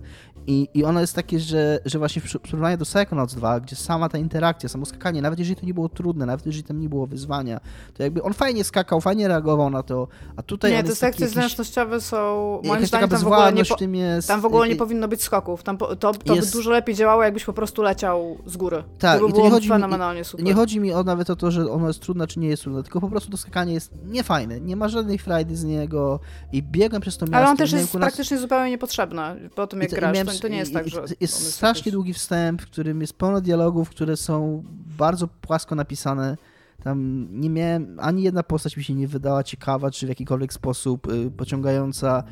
Y, I takie mi się to wszystko wydało, kurne, powierzchownie bardzo y, e, e, św- świecące i ładne, a mm, przez tą godzinę ani trochę mnie nie chwyciło. Miałem wręcz takie, miałem wręcz takie wrażenie, że ta gra strasznie dużo obiecuje tą swoją stroną wizualną i obiecuje tą stroną Ona, wizualną moim tak zdaniem ona nic nie obiecuje, a dostarcza bardzo dużo wizualnie. Ona po prostu jest co, Mm, coraz ale bardziej wizualne mi- mi- wow e. Tak, tak. Ja, ja co innego chcę powiedzieć. Ona, ona bardzo dużo dostarcza wizualnie, tylko że ja osobiście y, to jest dla mnie bardzo, bardzo mało. To znaczy, moim zdaniem, mm, właśnie ta obietnica, za tą obietnicą wizualną powinna iść jakaś treść, a tam nie ma żadnej, nie było. I mówię, znów, grałem godzinę, Mhm. ale oczekiwałbym, że ta strona wizualna będzie tylko jakimś pretekstem do mm, powiedzenia czegoś, pokazania czegoś. Ja nie wiem skąd ty to oczekiwanie wziąłeś, bo jakby ja do niej No z mojego serca. na świeżo y, po tylko tych trailerach, które były i ja chciałam Ja zobaczyć, mówię- ja jakby, tylko- jakby zobaczysz trailery, ona ci praktycznie mówiła, to będzie gra o szukaniu persony i będzie Ja tylko, mówię o nie? swoim, ja tylko mówię o swoim odbiorze, bardzo subiektywnym. E, Mhm. Wczoraj, i to mówię, grałem godzinę i i po prostu się męczyłem, bo, bo to było coś takiego, że kurna, jakby ktoś mi wyświetlił ładne, kolorowe obrazki. Super, są ładne i są kolorowe, ale ile można siedzieć i gapić na ładne, kolorowe obrazki? I tak jak mówię, nawet muzyki tam nie było za fajnej, więc one takie... No to, to, to jest właśnie najgorszy problem tej gry i moim zdaniem, bo ja nie wiem skąd ludzie wyciągnęli w ogóle, że to jest gra muzyczna slash oparta na muzyce, w sensie na tej zasadzie, nie? To jest gra o muzyce, ale to Mo jest przyczynek do opowiedzenia historii typa, który jest muzykiem i to jest tylko być tyle, może, nie? Być może tutaj leży sedno tak naprawdę mojego rozczarowania, że ja oczekiwałem, że to będzie bardziej gra muzyczna, a, a to jest jakiś Tak, tylko że prostu... właśnie na, ja patrzyłam też na te trailery w ogóle wcześniej i ona praktycznie nigdy o tym nie powiedziała. Co więcej, on, ona bardzo mocno podkreśla, że to jest gra o typie, który robi tam tego most, y, jaka tam była złożona stage persona ever, tak? I, to, I, on mm, dosłownie znaczy... to jest o tym gra, on robi stage persona. No, z tego co mówisz, to też nie bardzo, to jest gra o skakaniu i dialogach, no. Ona nie jest nawet o skakaniu, to, to jest gra o centralnie o efekcie wow wizualnym. I to jest no mocno podkreślone w fabule, kiedy mhm. się I, i, przejdzie. Ja, ja, nie kwestionuję tego. Mhm. Uważam, że mam prawo mieć oczekiwania, nawet takie, które nie, nie zostały Nie, tylko zastanawiam, skąd, skąd ty wziąłeś w, ogóle oczekiwania, bo jakby... jakby skąd wziąłem? Dlatego no się mówię, zapytałam ciebie, nie? No, Wiem, no, z serca, subiektywnie, rozumiem, ale myślałam, że może było coś, trailer, co oni te, powiedzieli. Trailer, to są, trailer gry to są dwie minuty. Yy, ja czytałem jakieś tam, przyglądałem recenzje i mówię, spotkałem się wręcz z określeniem, że to jest album progrokowy to, to, to w tle. W tle ktoś Jakby ktoś tak napisał, na przykład, nie? o tej grze. Każ mu oddać odznakę i broń recenzenta growego. I tak, i no mówię, dla mnie to jest po prostu laser show, no super. Czy ja chcę 3,5 godziny naciskać guziki patrząc na laser show? Nie. Ja bym totalnie chciała mieć Więc... 3,5 godziny na oglądanie samego laser show, nie wciskając guziki. Pewnie spróbuję jeszcze, pewnie spróbuję taka, jeszcze, bo że... miałem, takie, miałem takie wrażenie, że mówię, że być może to kwestia mojego stanu emocjonalnego wczoraj, więc ten, ale, ale byłem rozczarowany bardzo i się bardzo zmuszałem, bo właśnie chciałem do odcinka pograć. Aha, jeszcze jedno chcę powiedzieć. Przepraszam, i tylko dokończę ten. Chciałem do odcinka pograć i musiałem, i niestety nie udało mi się. Yy, grałem na Xboxie, na Xboxie One X, Iggy, i chciałem się spytać, czy Iga, ty to miałaś, ty grasz na Xboxie czy na PC? Na Xboxie.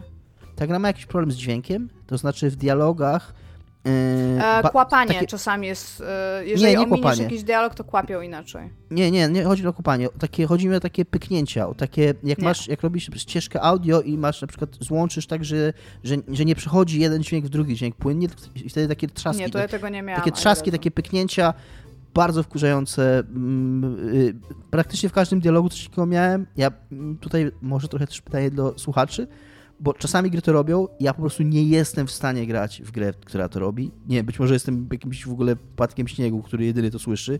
Miałem parę takich gier w swoim życiu, A to cię ucieszy, bo późniejsze postaci nie używają jakby języka angielskiego, żeby się wypowiadać? Ale to nie chodzi o język, to ewidentnie coś z montażem dźwięku jest, że, że robią się takie, takie, mm, takie, takie, takie nie, słychać ja takie, nie, słychać jakby dźwięk ten, nie, nie wiem jak to określić, bo to nie są trzaski do końca, tylko takie, spróbuj sobie, nie wiem, wziąć ścieżkę w Audacity, jak coś mówisz, uciąć ją i, i podłączyć drugą. I wtedy takie ja rozumiem, o co ci chodzi, tym, ale tym ścięciu, ani razu tego nie, nie, nie odczułam. Ale zainstalowałem na PC, na PC tego nie było, więc przypuszczam, że to jest coś z kodem Xboxowym po prostu.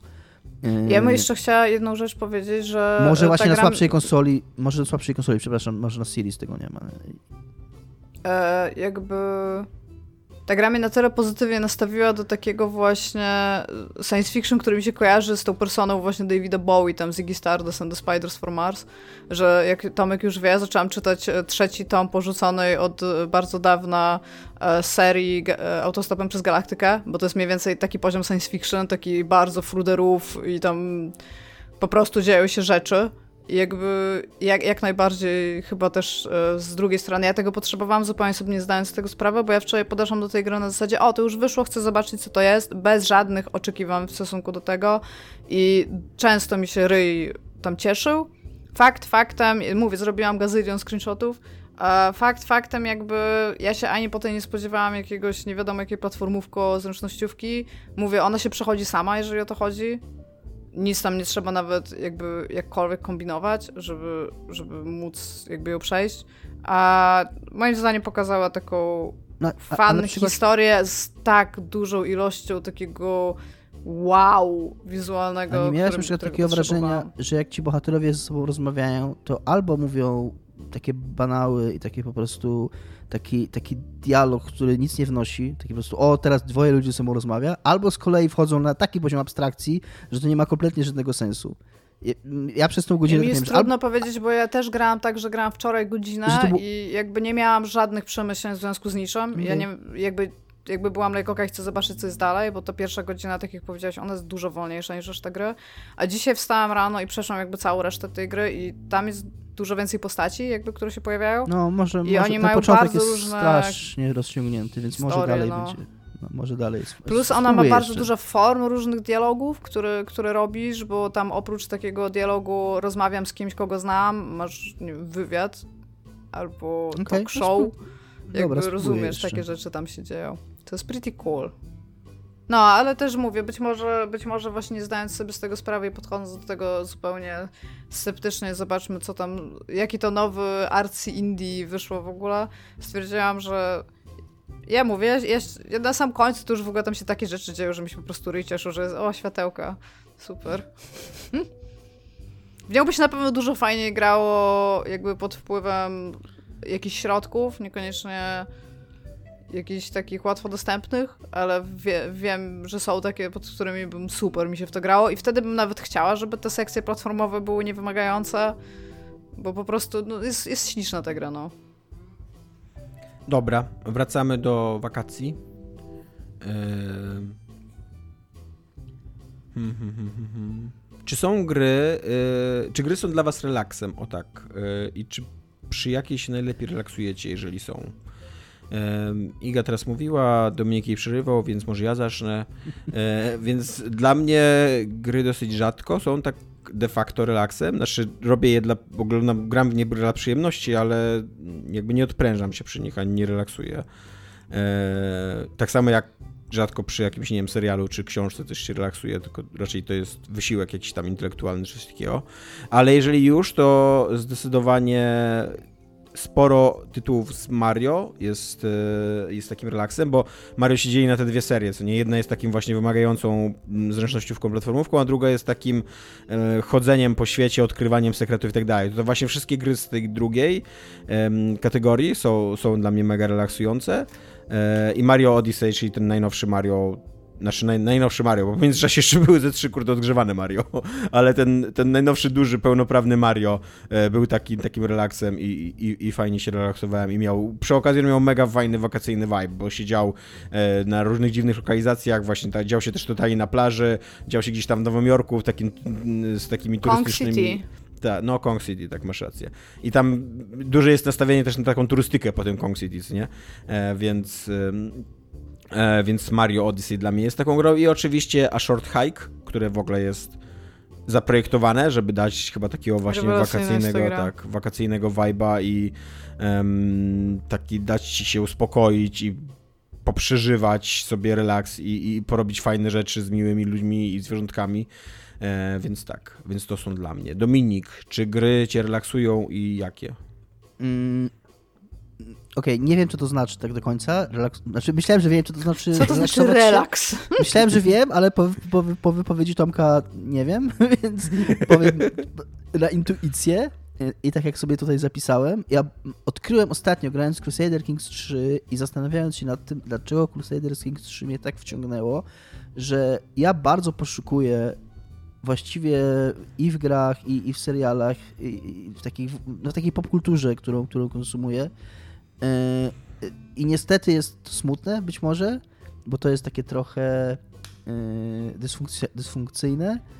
E, poszukuję takiego wyłączenia się, takiego faktycznie zostania, zostania... Eskapizmu? No takiego eskapizmu, ale żeby, żeby tak mi to pochłonęło, żebym przez te mm, godziny, które spędzam przed tym dziełem, w ogóle mi nie weszła do głowy myśl o niczym innym. I to niestety Tomek do tego zaciągał w trakcie tego odcinka. To się zdarza niezmiernie rzadko. Jak gram w takie gry, właśnie jakieś takie Kto Is, jakiegoś takiego JRPGa, coś, co mam wrażenie, że grałem już wiele razy, yy, czy po prostu, może nie, bo to nie, to nie jest do końca związane z oryginalnością. Może po prostu, jeżeli coś jest przeciętne, no to bardzo szybko mój mózg zaczyna odlatywać do jakichś problemów rodzinnych, zawodowych, albo po prostu do jakichkolwiek innych rzeczy, które mam na głowie. A tak, żeby autentycznie takie, takie dziecięce mm, wrażenie, że po prostu w tej chwili in, nie interesuje mnie kompletnie nic, jakby nie żyję dla nikogo, jestem tylko ja i ta gra, to się zdarza mi niezmiernie rzadko, dosyć przypadkowo i właśnie to miałem w Crusader Kings 3 przez tam tydzień ostatni. Autentycznie tak, że ja włączałem tą grę i to był kurna odlot, jakby kurna na jakichś mocnych dragach, nie? Po prostu włączam ją o 9 rano i mogę grać do czwartej i kurde, przez ten czas... Czwartej rano następnego dnia, tak? Tak, tak, tak.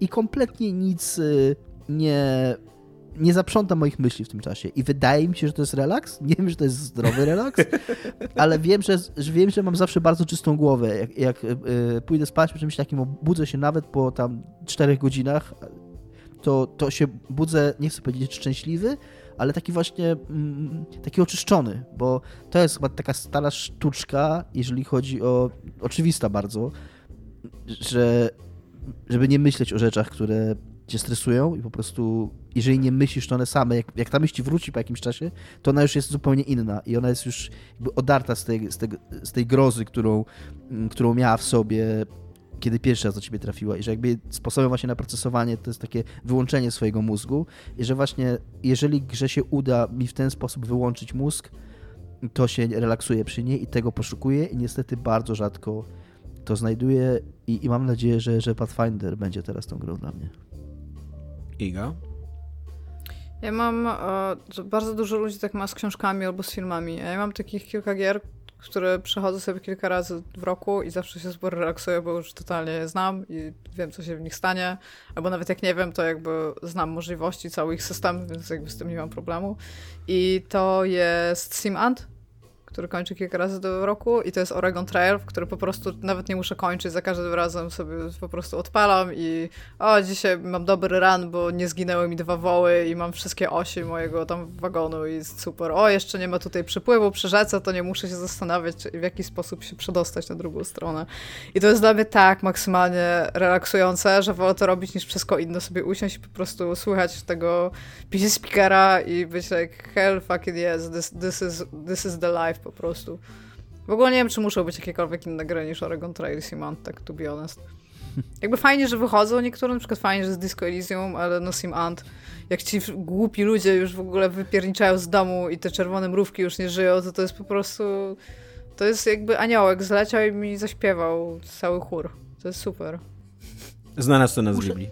Muszę zagrać w Oregon Trail, ale nie wiem, czy ta gra bez nostalgii. Dzisiaj ja nie mam żadnej, no, ja, ja, nie, wiesz, ja nie byłam wtedy, kiedy dzieciaki w Stanach Zjednoczonych grały w Oregon Trail jako w grę historyczną, ale po prostu ona jest to jest, to jest takie proste, bo jakby wyruszasz, najpierw sobie wybierasz, czy będziesz tam bankierem, czy będziesz jakiś stolarzem, w sensie ile masz e, środków pieniężnych i wszystkiego, żeby dojść do, jakby do Oregonu. I potem co, co masz przystanek, to jest albo jakiś random encounter, albo możesz wybrać, czy e, tutaj będziesz starał się polować, czy jakieś supplies weźmiesz, a potem jeszcze sobie nazywasz tych ludków, którzy z tobą jadą dokładnie tak jak twoich własnych znajomych i potem, wiesz, Dominik ma świnkę i to co teraz, nie? Bardzo Tomek dużo na nogę, screenach, na screenach, jak wpisałem w Google Images, bardzo dużo dysenterii jest w tej tak, grze. Tak, bardzo dużo jest, no. Ale w ogóle też właśnie mizus, złamana noga, już tam potem wszyscy się czują gorzej, więc trochę zwalniasz pochód. Jak już dojeżdżasz do tego Oregonu, jesteś tylko ty i jakiś tam twój jeden ziomeczek, który ledwo co żyje, bo jeszcze trąd, trąd ma albo cokolwiek takiego, to już dojeżdżasz do tego Oregonu, ale wiesz, że jakby spełniłeś swoją powin powinność, dojechałeś przez całe Stany Zjednoczone, dojechałeś do Oregonu, możesz zacząć swoje ży życie na nowo, nie? I jeszcze tam jest taki PC speaker, że jak gdziekolwiek wjedziesz do tego miasta, to masz ochotę w ogóle wyrzucić monitor przez, wiesz, przez tego, żeby już przestała ci grać ta muzyczka po prostu. O Jezus Maria. I to, to nawet jest experience, który, ten, który jest wart. Więc tak, to są, to są gry, które mnie relaksują. To jest Oregon Trail i Dobra. To wiecie już wszystko na temat naszego relaksu i na temat naszych wakacji, na temat tego, co jest grane u nas. E, mamy jeszcze sekcję komentarzy na sam koniec. E, ponieważ ostatnio trochę się zastanawialiśmy, o co może chodzić e, Chińczykom z, a dokładnie chińskiej partii mm, komunistycznej, z komunistycznej partii Chin, to chyba tak się nazywa, e, z ograniczeniem grania online przez, e, dla, dla dzieciaków chińskich. Niepełnoletnich. Tak, niepełnoletnich. Wbrew temu, co sugerujecie w komentarzach, przepełnieni złą wolą i nienawiścią do Tomka Pstrągowskiego, to nie jest tak, że jakoś od jakby nie wiem jak to powiedzieć, rozgrzeszałem chińską partię komunistyczną, tylko po prostu podejrzewałem, że robienie na złość dzieciom jest, y, nie jest celem samym sobie tej polityki i że jest jakieś drugie dno tej polityki. E, I Marta Grącka napisała bardzo fajny, rzeczowy komentarz, który Tak, chciałbym... przeczytałam go i byłam like, ha, Tak, no właśnie, który rzuca chyba jakieś światło ciekawe na tą sprawę i chciałbym go po prostu przeczytać, tak żebyście też us usłyszeli to. E, I Marta pisze tak, moim zdaniem sprawa Chin polega na generalnej zmianie podejścia władz partyjnych do dużych korporacji. Nie zapominajmy, że w Chinach nie ma własności prywatnej, każdy biznes jest powiązany z partią. Niby widzimy kapitalizm, duże korporacje, ale ten kapitalizm jest pozorny, jest wciąż regulowany. Rządzącym przestało się podobać, że pieniądze Chińczyków są wydawane na zbytki i głupoty, tutaj głupoty w cudzysłowie, e, na konsumpcjonizm, na rozrywkę, a nie na rozwojowe branże jak nowe technologie, big data, sztuczna inteligencja, edukacja. Alibaba był pierwszą grubszą sprawą, która pokazała, że bogaci Chińczycy się za bardzo rozpanoszyli i czas przystopować. Rząd wstrzymał przejęcie Ant Group przez Alibabę i wezwał do siebie do Pekinu prezesa Jacka Ma. Do, od tej pory nie wiadomo, co się z nim dzieje. E, Tencent jest z kolei megakorporacją. Tak, na, tak naprawdę moim zdaniem chodzi o to, że duże korporacje zaczęły się coraz bardziej rozpychać i panoszyć i partia stwierdziła, że trzeba im przypomnieć, w jakim państwie żyją i kto tu ustala zasady. A to, że chcą skierować gospodarkę na rozwój nowych technologii, czy uświadomić młodym Chińczykom, że granie w gry multiplayer mm, gdzie się wydaje pieniądze jest złe, że to niezdrowo, że to uzależnia, to są drugorzędne sprawy, więc nie chodzi o gracze, a o tomperowanie Tencentu, czyli wielkiego korpo. I tak, i jakby dla mnie to brzmi ok, jakby ja się nie znam na polityce Chin, wewnętrznej zwłaszcza, e, ale brzmi to dla mnie sensownie. E, i tak jak Zwłaszcza- że potwierdza moją teorię, że bycie złośliwym wobec nastolatków jest drugorzędnym celem em, partii w tej, w tej sprawie, a, e, a finanse i, i władza jak zwykle są tak, są na pierwszym planie. Dominik e, zmienił sobie tło na super urocze na, na, na koniec. widać, że Żeby- było go, bardzo, bardzo słuchał tego, o czym mówi temat. Ja I dziękuję- komentarz po prostu, więc... Tak, dziękujemy Ci Marta za ten komentarz. Jesteśmy Więcej dzięki niemu jesteśmy dzięki niemu mądrzejsi, tak, e, i, i, i fajnie tutaj takie rzeczy czytać, bo nie wiemy wszystkiego często. To, Co zresztą mówiliśmy w tym odcinku, że totalnie jest, to wygląda na zbyt z grubą i skomplikowaną sprawę, żebyśmy Tak. mogli tutaj łatwo dać opinię na ten temat. No, to tyle od nas dzisiaj. Dzięki serdeczne za słuchanie. Dzięki. Trzymajcie się, cześć, pa. Dzięki. Cześć. Pa.